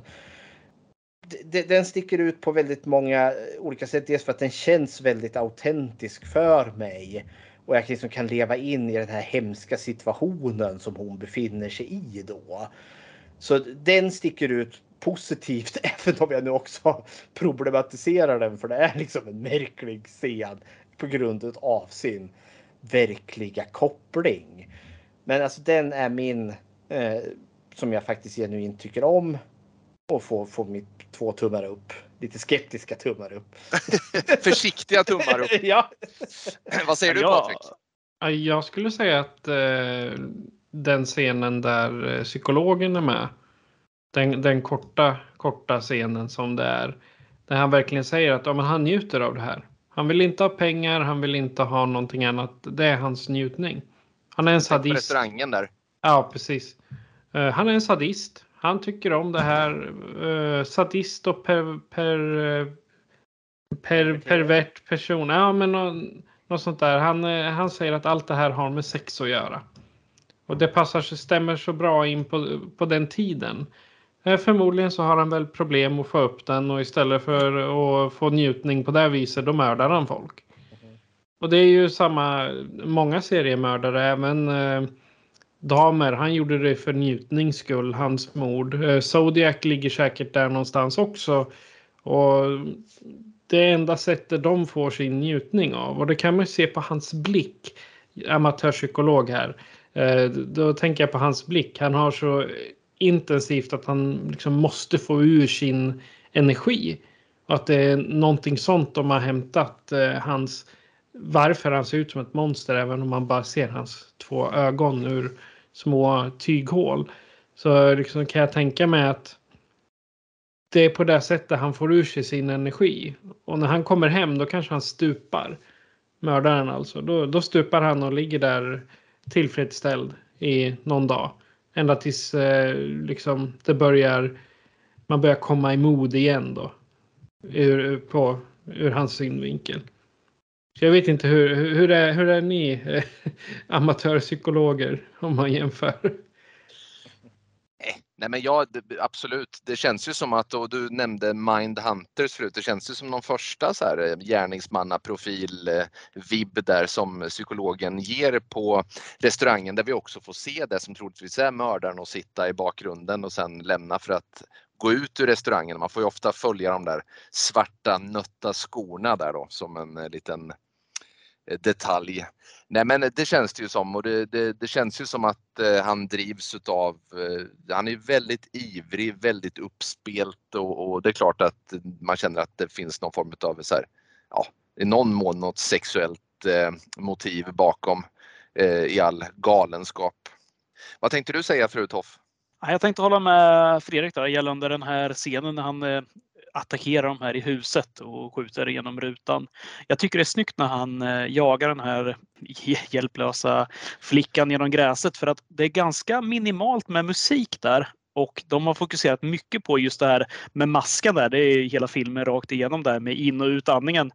Tyvärr ligger det där lite osynk då och då i filmen så att utandningen inte tajmar med masken. Men det, ah, det är 70-tal, vi får väl överseende med det. Men det blir lite så här, det blir creepy tycker jag. När han är, det här just den här, att han har den här energin. Den ja, jag tycker det är obehagligt. Det, och det blir bra. Ja, verkligen. Och I övrigt då, det, vi pratade lite om de här konstiga eh, komiken som kommer. Jag tänkte också på den här berättarrösten. Det är ju ändå en liten så här dokumentär känsla då och då i och med att den, den här berättarrösten är inte bara i början utan den löper genom hela filmen. Och jag tänker specifikt på när det sker ett litet uppehåll mellan överfallen där och, och det är sommar. Och det helt plötsligt är två så barn i, i Bullerbyn som badar. det tyckte jag var mycket märkligt i den här filmen. och, och liksom Sen är det inte mer med det. Så här, det är klart, de vill ju ha en brygga vidare och att allt är frid och fröjd och att ett lugn börjar sänka sig över staden igen. Men jag vet inte, jag, jag tycker att det återigen blir konstigt och att eh, det blir tydligt att den här filmen är, är en förvirrad film. Men det, om jag nu, jag hugger vid här lite en bit som jag faktiskt gillar med den här filmen också. Det är väl kanske den här de inhemska texarkanarborna. Den här autentiska, eller ja, autentiska. Men det, det är lite kul att se deras iver. Man förstår det som när han JD Morales dyker upp för första gången där på tågstationen.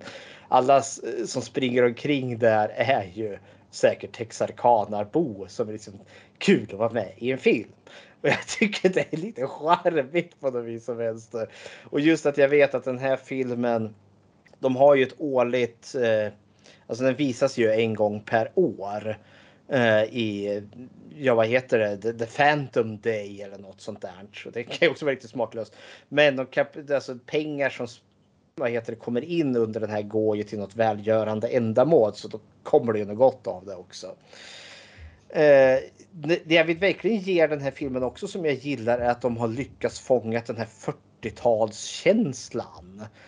För jag misstänker att det här är en ganska lågbudgetfilm. Begränsad liksom. Eh, alltså för det är inget större bolag som står bakom den här. Och då har de lyckats väldigt väl ändå tycker jag. Alltså med en lågbudgetrulle från 76 att liksom placera mig i en 40-talsmiljö. För det, den illusionen bryts aldrig för mig. Och det är, det är två tummar upp. Där jag, jag, jag, läste lite om den här och tydligen så är eh, all, alla, alla, alla som är skådespelare i den här är på något sätt eh, även statister. Mm. Så att huvudrollsinnehavarna de be, befinner sig i bakgrunden ibland på andra scener som de inte har någonting med att göra. Så man, man, man kan ju säga att de har, det, det, var inte så hög eh, budget på den här garanterat. Så att när man använder om huvudrollsinnehavarna som statister. Det kan jag bara älska känner jag. Ja, ja det, det är ju skärmigt. Men, eh, men då, då, vet man också liksom höjden. Ja, är det, vad, vad, säger ni, vad sticker ut då? Förutom de här, eh, den här, de här komiska inslagen och så vidare. Är det någonting som sticker ut som så uselt så att det, det blir jobbigt? Oj då, okej. Okay. vi hade ju en rolig grej. Det är ju den här, vi har inte nämnt han än tror jag, men den här andra snuten som är med.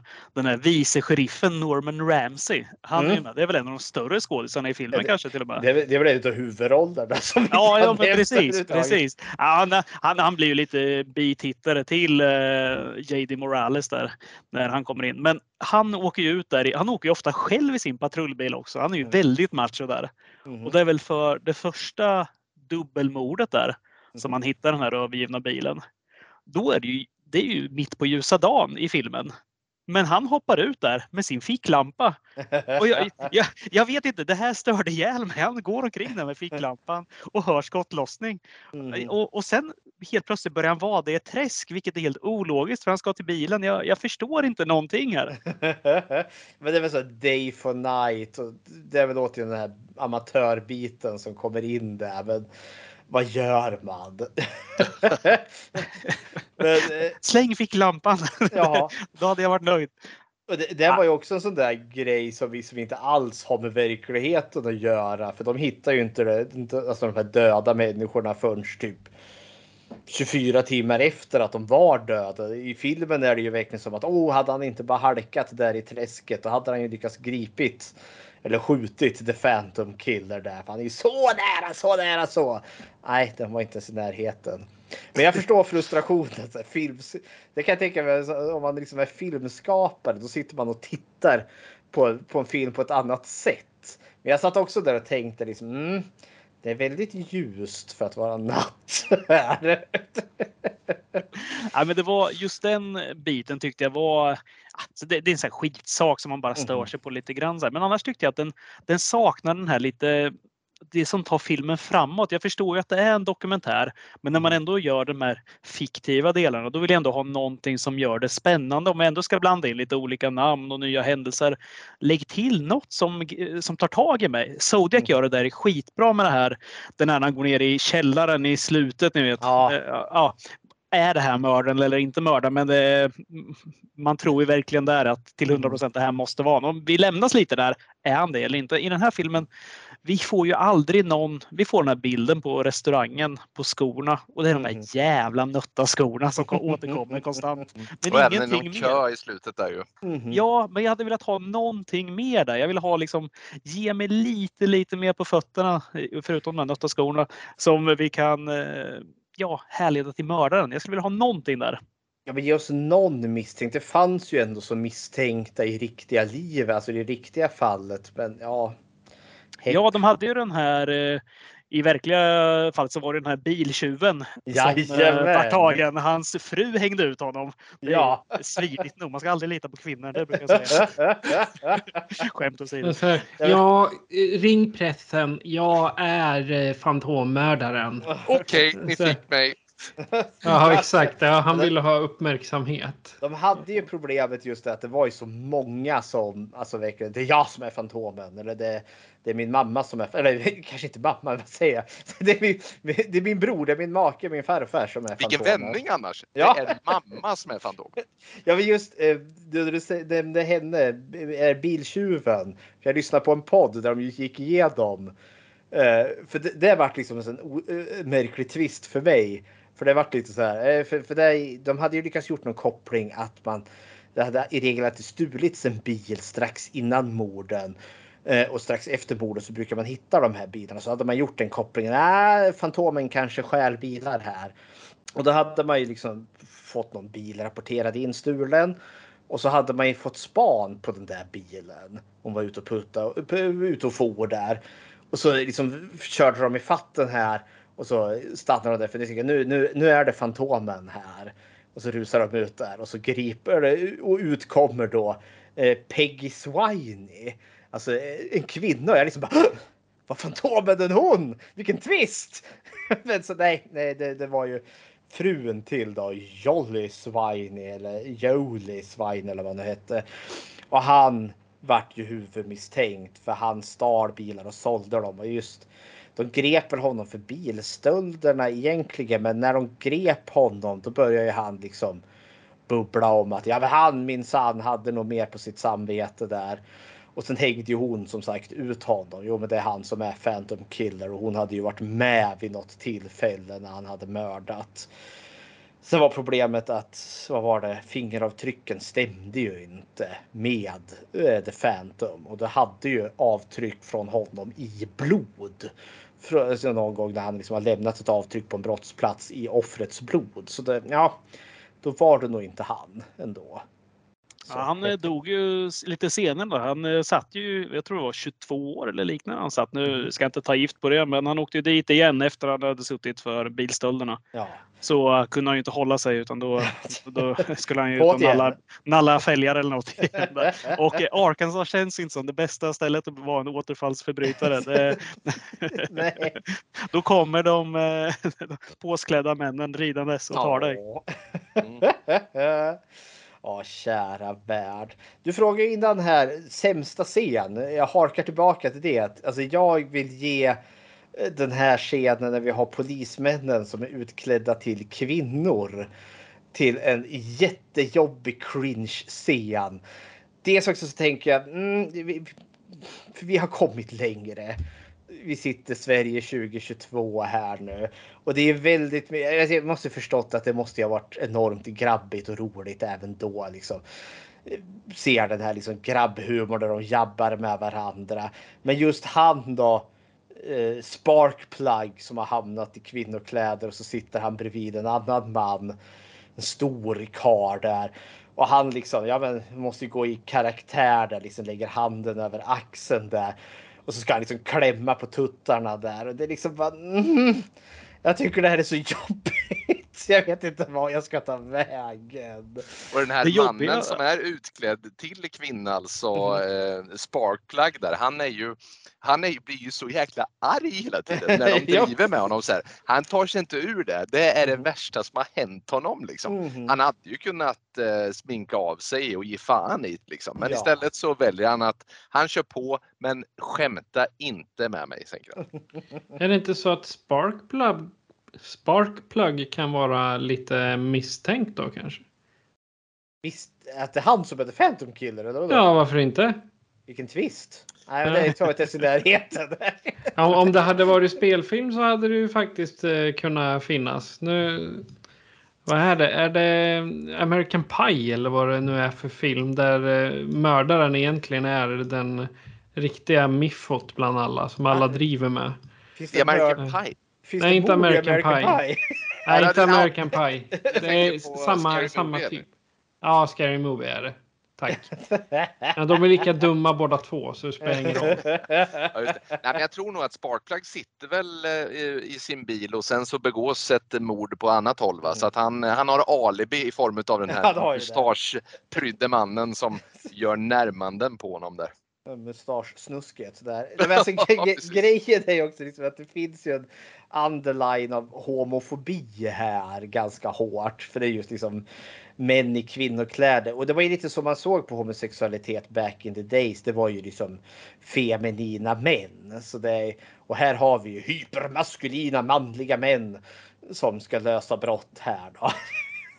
Det känns Ja, inte som att det har blivit bättre i Arkansas ännu heller, utan det, Mm. de lever nog kvar lite där fortfarande. Nej, det, jag menar hela Amerika. Har de inte ganska nyligen här i Florida Don't say gay eh, bilden där? Så det, nej, det är nog likadant på olika ställen här. Jag var tvungen att kolla den här han Sparkplug. Som sagt, nu vet vi att det är regissören då som spelar honom, men innan tänkte jag så här, men jag kollar upp, är det någon för tiden känd komiker som de liksom lyckades casta? Är det, har vi en Adam Sandler från eh, 76 som någon har castat, som, eller David Spade, någon sån här jobbig jävel som bara gapar. Och så är det regissören själv. Alltså hur tänkte han? Jag får inte ihop det. Men det är inte som att liksom göra en liten diskret Alfred Hitchcock där liksom går förbi i bakgrunden. Han ger ju sig en väldigt prominent roll. Kudos att han ger sig liksom clownen, det får man väl ge det. Men alltså det skvallrar ju också lite om att han har ju haft väldigt roligt. Jag tror nog att det har varit väldigt roligt att göra de här filmerna. Jag tror nog att, att spela in The Town That Dreaded Sundown är verkligen var nog ett blast. Det är åtminstone den bilden jag får. Och det är det som är så märkligt för liksom han är ju verkligen Alltså han har ju någon form av komisk ådra. Han skulle kunna göra liksom någon Stefan Krister, Åsa-Nisse. Alltså det känns, eller jag vet inte, Smoking the Bandit eller något av de där. Men sen när vi har de här liksom seriösa bitarna med attackerna. Då funkar ju, då har vi ju liksom mer honom som någon form av thrillerregissör också. Så han funkar bevisligen i båda lägen. Så det, det finns lite kompetens här. Men sen kombinerar vi de här, ja då blir det lite, ja, sådär. Ja, det blir lite rörigt. Mm. Men eh, vad säger ni, ska vi försöka närma oss det här som kommer att bli slutuppgörelsen? Vi, vi kör ju som er, vi, vi spoilar filmer fritt här. Så att, eh, eh, ja, har man inte sett eh, staden som fruktade solnedgången så får man väl stänga av dem. Men, eh, eh, på något sätt så i alla fall, det, det leder ju fram till en dagtidsuppgörelse där den här mannen som vanligt bär sin påse på huvudet. vad säger ni om den här slutuppgörelsen? Vad är det som händer och vad, vad, vad tycker ni om eh, hela den scenen när Morales och, och Ramsey kommer ifatt honom till sist där ute i, Mhm. i vildmarkerna? Alltså jag tänker det otacksamma med en sån här typ av film, för det är ett olöst fall, är ju att en film behöver ju ändå så ett slut. Eh, och hur ska du göra det då? Jo, men vi gör en liksom en actionsekvens där de nästan tar honom. Ja, jag känner väl liksom att de behövde ett slut, men ett ganska dumt slut tycker jag. För det är verkligen så. Jag vet inte, de sitter ju verkligen i bilen och pratar med varandra. Kommer vi någonsin lösa det här fallet? Nej, det kommer vi inte. Har du tänkt på det där samtaget? Nej, det har jag inte. Vi åker dit. Åh, oh, lo and behold, där är han ju. Jag, jag, det tyckte jag var så ofantligt dumt. Han har liksom bott i det där jävla samtaget sen, vad vet jag, i mars i den här filmen och nu är vi mitt i sommaren där då. Liksom, nej, och han går omkring med sin jäkla potatissäck där och så blir det liksom en actionscen där de jagar honom och skjuter lite vilt på varandra. Eh, och jag, jag kan inte låta bli just han som spelade JD Morales där. Han är ju en sån äldre man. Jag kände liksom att ja, men nu medelålders män som vill spela actionhjältar. Det, det är ganska fånigt, men de får ju in någon form av slutkläm ändå. Att han blir sårad eh, och så försvinner han ut i ett träsk där. Och där tappar de bort honom. Antingen har han gått sig förlorad i träsket eller så har han tagit sig upp någon annanstans och lever vidare. Och det ger ju den här lilla kusliga tanken. Han kanske finns här än. Så mm, ja, något form av slut var man väl tvungen att ge den här filmen och det funkar sig och så där tycker jag. Ja men precis, han, han blir lite skottskadad eller han blir skjuten i, i benet och haltar ut i träskmarkerna och försvinner för gott. Och spårhundarna eh, tappar vittringen och så vidare. Så att eh, får vi leva i, i ovisshet som, som i det verkliga fallet då. Eh, vad säger du Patrik eh, om eh, slutet? Där satt du som på nålar här? Eller det fanns en anledning till att du fick se den i två sittningar kanske? Ja, det kan jag säga att det fanns en ganska vacker anledning till att jag fick se den i två sittningar. Jag hade till och med sällskap i andra omgången och helt plötsligt så var frågan, men varför stängde du av? Det var ja men jag har inte stängt av. Jo, du stängde av. Ja men filmen var ju slut. Nej. Så fick vi gå tillbaka och titta igen. Jo, mycket riktigt, filmen var slut. Och liksom, det var som att man bara stängde av det. Och, Gjorde du så att du i andra sittningen satte du en potatissäck på huvudet åt andra hållet då, så att hålen för ögonen var i nacken? Jajamän, så jag såg liksom filmen baklänges. ja, men det, det, det, var typ så, så jag kände det. För helt plötsligt bara slut i rutan. Även om det är såna här filmer som egentligen inte ska ta slut, alltså typ Zodiac och dem, så har man, brukar man normalt ha en sån här att ja, vi hittar honom aldrig. Och vad händer sen? Ungefär så där slutar filmen. Nej, vi hittar honom inte. Hej då. Nej, precis. Även där får vi väl säga att eh, David Finchers Zodiac från 2007 eh, gör det lite snyggare. Den här ovissheten presenteras lite snyggare i den filmen som exempel. Men I den här filmen, eller i den riktiga historien, de, det är ju aldrig någon jakt på honom. Det finns ingenting där. De är ju aldrig i närheten av honom. Nej. Så att det, det, här är ju helt fiction och då känns slutet så det är, är inte jäkligt krystat hela, precis som ni säger där, att det här gruvtaget, han springer omkring i masken. Varför ska den där masken ens vara på? Det, är så här, det finns ju, det enda anledningen att den är på där, det är för att, de ska, att vi ska fatta att de har sett mördaren. Och det är så Mm. uselt. Gör det där på ett snyggare sätt. Han går inte omkring i den där masken i ett gruvschakt mitt på ljusa dagen. Han har inte gjort det i en månad. Det fattar ju alla. Om man inte har den på restaurangen också, för då köper jag det. Men det är det enda gången också. Och sen, den här, sen det här med actionet, att de helt plötsligt ska, de springer omkring med dragna hagelbrakar båda de här och står och skjuter under det här tåget. Jag tror ju att han har kollat lite på Batch Cassidy and the Sundance Kid där från 69, 68 någonstans där. mm. Det är exakt samma den här, alltså slow motion effekten är för långsam. Det är för mycket krutrök. Och sen det här att de skottskadar. Varför? Varför är det ens med? Det är bara... Nej. Det är väldigt kul att han faller också, inte som jag tänker mig att man faller om man blir skjuten i benet med en hagelbrakare utan det ser snarare ut som att han halkar på såna här kulor. Ni vet, att fötterna är längst upp i vädret och sen rakt ner i marken. Ja, Det Ganska lite, ut, märkligt. Det ser lite som att han trampar liksom på ett bananskal och verkligen gör den där klassiska Foten bara rakt upp i luften där. Och vips var buskisen tillbaka igen. Jajamensan. Ja, kära värld. Är det någon som känner att den vill tillägga någonting innan vi eh, har vår lilla andakt med betygen här? Nej, ja, det enda jag vill lägga in, det här är verkligen från ingenstans, men jag, jag skrev upp det promnighten som finns här, det som är innan vi får vårat det här trombonmordet.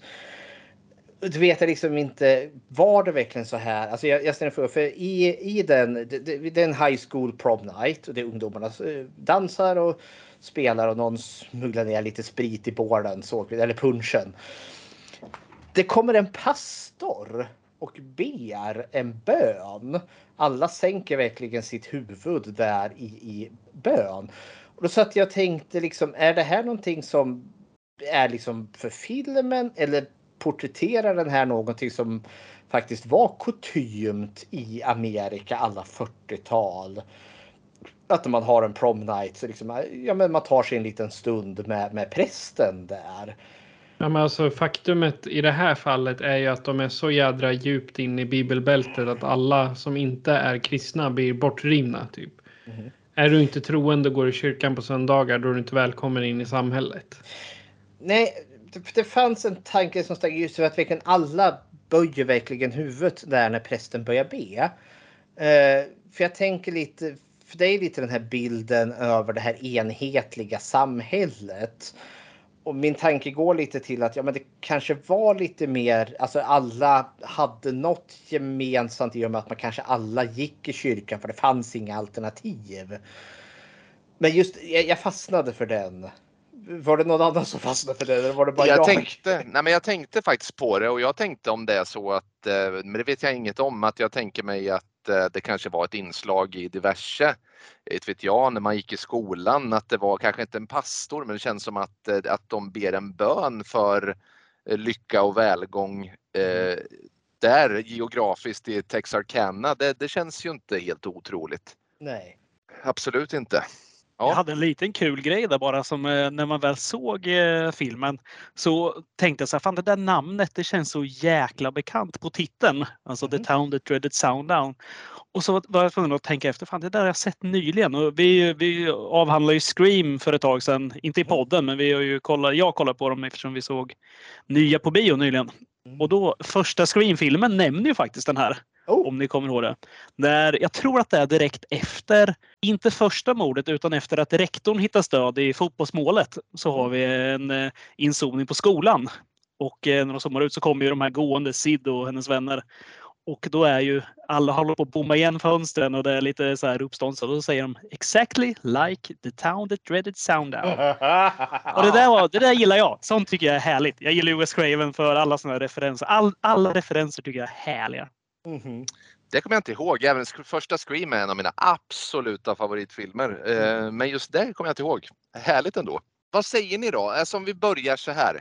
Vi har ett litet moment där man, man ger ett betyg till filmen man har sett och då brukar vi använda oss av betygsskalan 1 till 5. Mhm. Eh, och så får man ge ett litet plus framför eh, om man känner att man behöver det. Mhm. Fredrik, Alltså, staden som fruktade solnedgången. Staden som fruktade solnedgången. Alltså ja, det här är ju lite av en, en udda film och jag tycker vi jag tycker de som lyssnar på den här kanske kommer tycka att jag ger den en märklig betygssats. För jag, jag, jag kommer ge den. Alltså, jag vill ge den 3 plus. 4 är lite för mycket. Eh, men 3 plus, 3,5 eller något sånt där. Eh, kanske lika så mycket för jag har liksom ändå så gått ganska hårt åt den här filmen. Men jag vet, alltså det, det är något personligt med det. Jag, jag får massa tankegångar just att det är true crime, den här märkliga tonen filmen har med att gå från att vara bondfars till att bli en ganska seriös liksom, seriemördarberättelse. Eh, jag tror det är en viss nostalgi också för det här är inte riktigt en jättestor heavy hitter film även om jag i min ungdom trodde att det var det. Eh, så är det väl mer en viss personlig och viss nostalgi till den här. Den är inte så, alltså det är en väldigt annorlunda film. Det är liksom inte, den är inte särskilt spännande. Eh, den är inte särskilt häpnadsväckande, ingen milstolpe överhuvudtaget. Men den har märkligt nog det där lilla, lilla extra som får den att sticka ut på något märkligt sätt. Eh, och jag menar, den har ändå så fått Blu-ray-utgåvor och liksom massa kommenta kommentatorsfält, eller vad heter det, spår och extra lull-lull till den. Så eh, ja, det blir min långa förklaring till min tre och en halva i betyg. Det är en märklig film som jag faktiskt tycker om, om jag än finner den väldigt problematisk. Mm. Hepp. Vad säger Patrik? Eh, jag skulle nog ge den här eh, 2,76 i eh, betyg. Jag tycker den knyter liksom inte ihop sig själv. Nej, fallet är inte löst. Men jag är fortfarande färgad av filmer som Zodiac och andra olösta brott. Jag vill, jag vill att man knyter ihop det på något sätt och inte bara nej, vi hittar honom inte. Hej då. Det, det är den största kritiken jag har.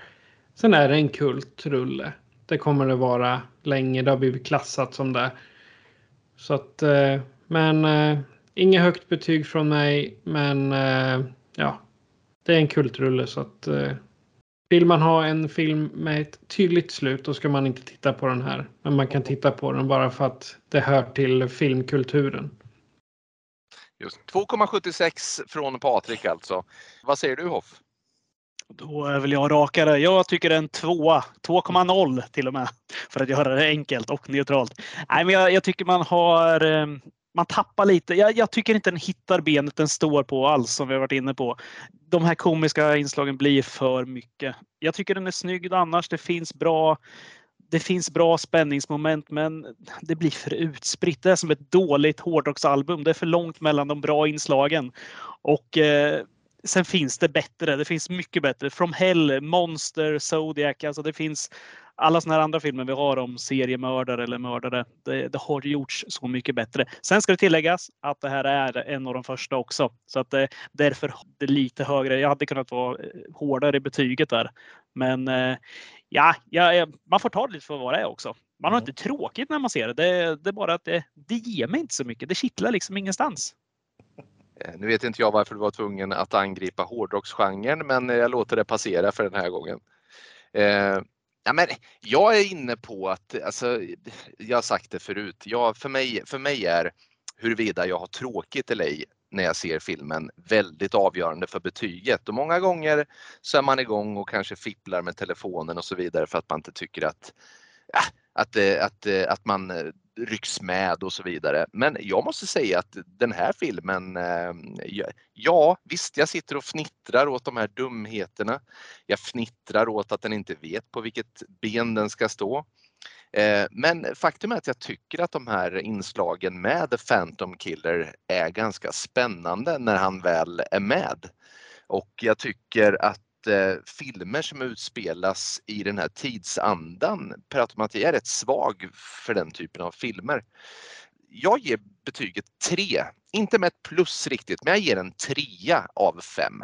Och jag säger också att eh, den här filmen eh, kan man se. Den här kan man se och eh, man ska inte förvänta sig stordåd. Det ska man absolut inte göra. Men se den och, och, eh, och som du sa Patrik, det är en kultrulle trots allt. Nu skulle jag vilja avsluta med eh, ett kortare samtal om din filmsamling Fredrik. Min filmsamling, Ja. herregud. Eh, jag har ju sett lite eh, bilder på ditt, eh, om det nu är ditt vardags, vardagsrum på sociala medier. Och jag har sett den här enorma skatten av eh, filmer alltså. Hur många filmer har du? Och hjälp, eh, vi, eh, vi ska se här nu. Jag har en app. så jag har lagt upp alla filmer på här så jag behöver inte ha koll på det. har du letterboxd eller? Bland annat. Ja. Eh, nu ska vi se här. Han har så mycket filmer att han är tvungen att katalogisera dem Jag behöver för att nu, ens veta. Oj, Ja, ja. ja, men då så. Vi kan vi göra en. Nu har jag en exakt siffra här. Vi kan göra en chansning. Gissa hur många filmer har jag? 4211. En Hoff? Eh, 796. Patrik? 2300. Det rätta svaret är 5126. Det är sinnessjukt. Vet du vad som händer Fredrik? Nästa gång Lyxfällan kommer på besök, då kommer de visa en, en sedelhög och så kommer de visa din filmhög och säga så här mycket Bullens pilsnerkorv hade du fått för så här mycket filmer. Vi kommer nu Ja. sälja av alla halloween Fredrik för att du ska kunna betala hyran. ja. Vad säger ni? Är det någonting som eh, ska tilläggas eller ska vi säga så? Det har ju varit ett trevligt samtal. Det tycker jag verkligen. Vi kan Ja. väl vara lite schyssta också och göra en liten shout-out till eran eh, podd när vi ändå har er här. Så att, eh, får ni säga var vi hittar er, om det finns någon annanstans och så vidare. Ja, då lämnar jag över till Patrik. Ja, vi finns nästan på alla eh, podcastbibliotek. Eh, sen finns vi på internet, på all, många utav sociala plattformar, Facebook, Instagram, Twitter.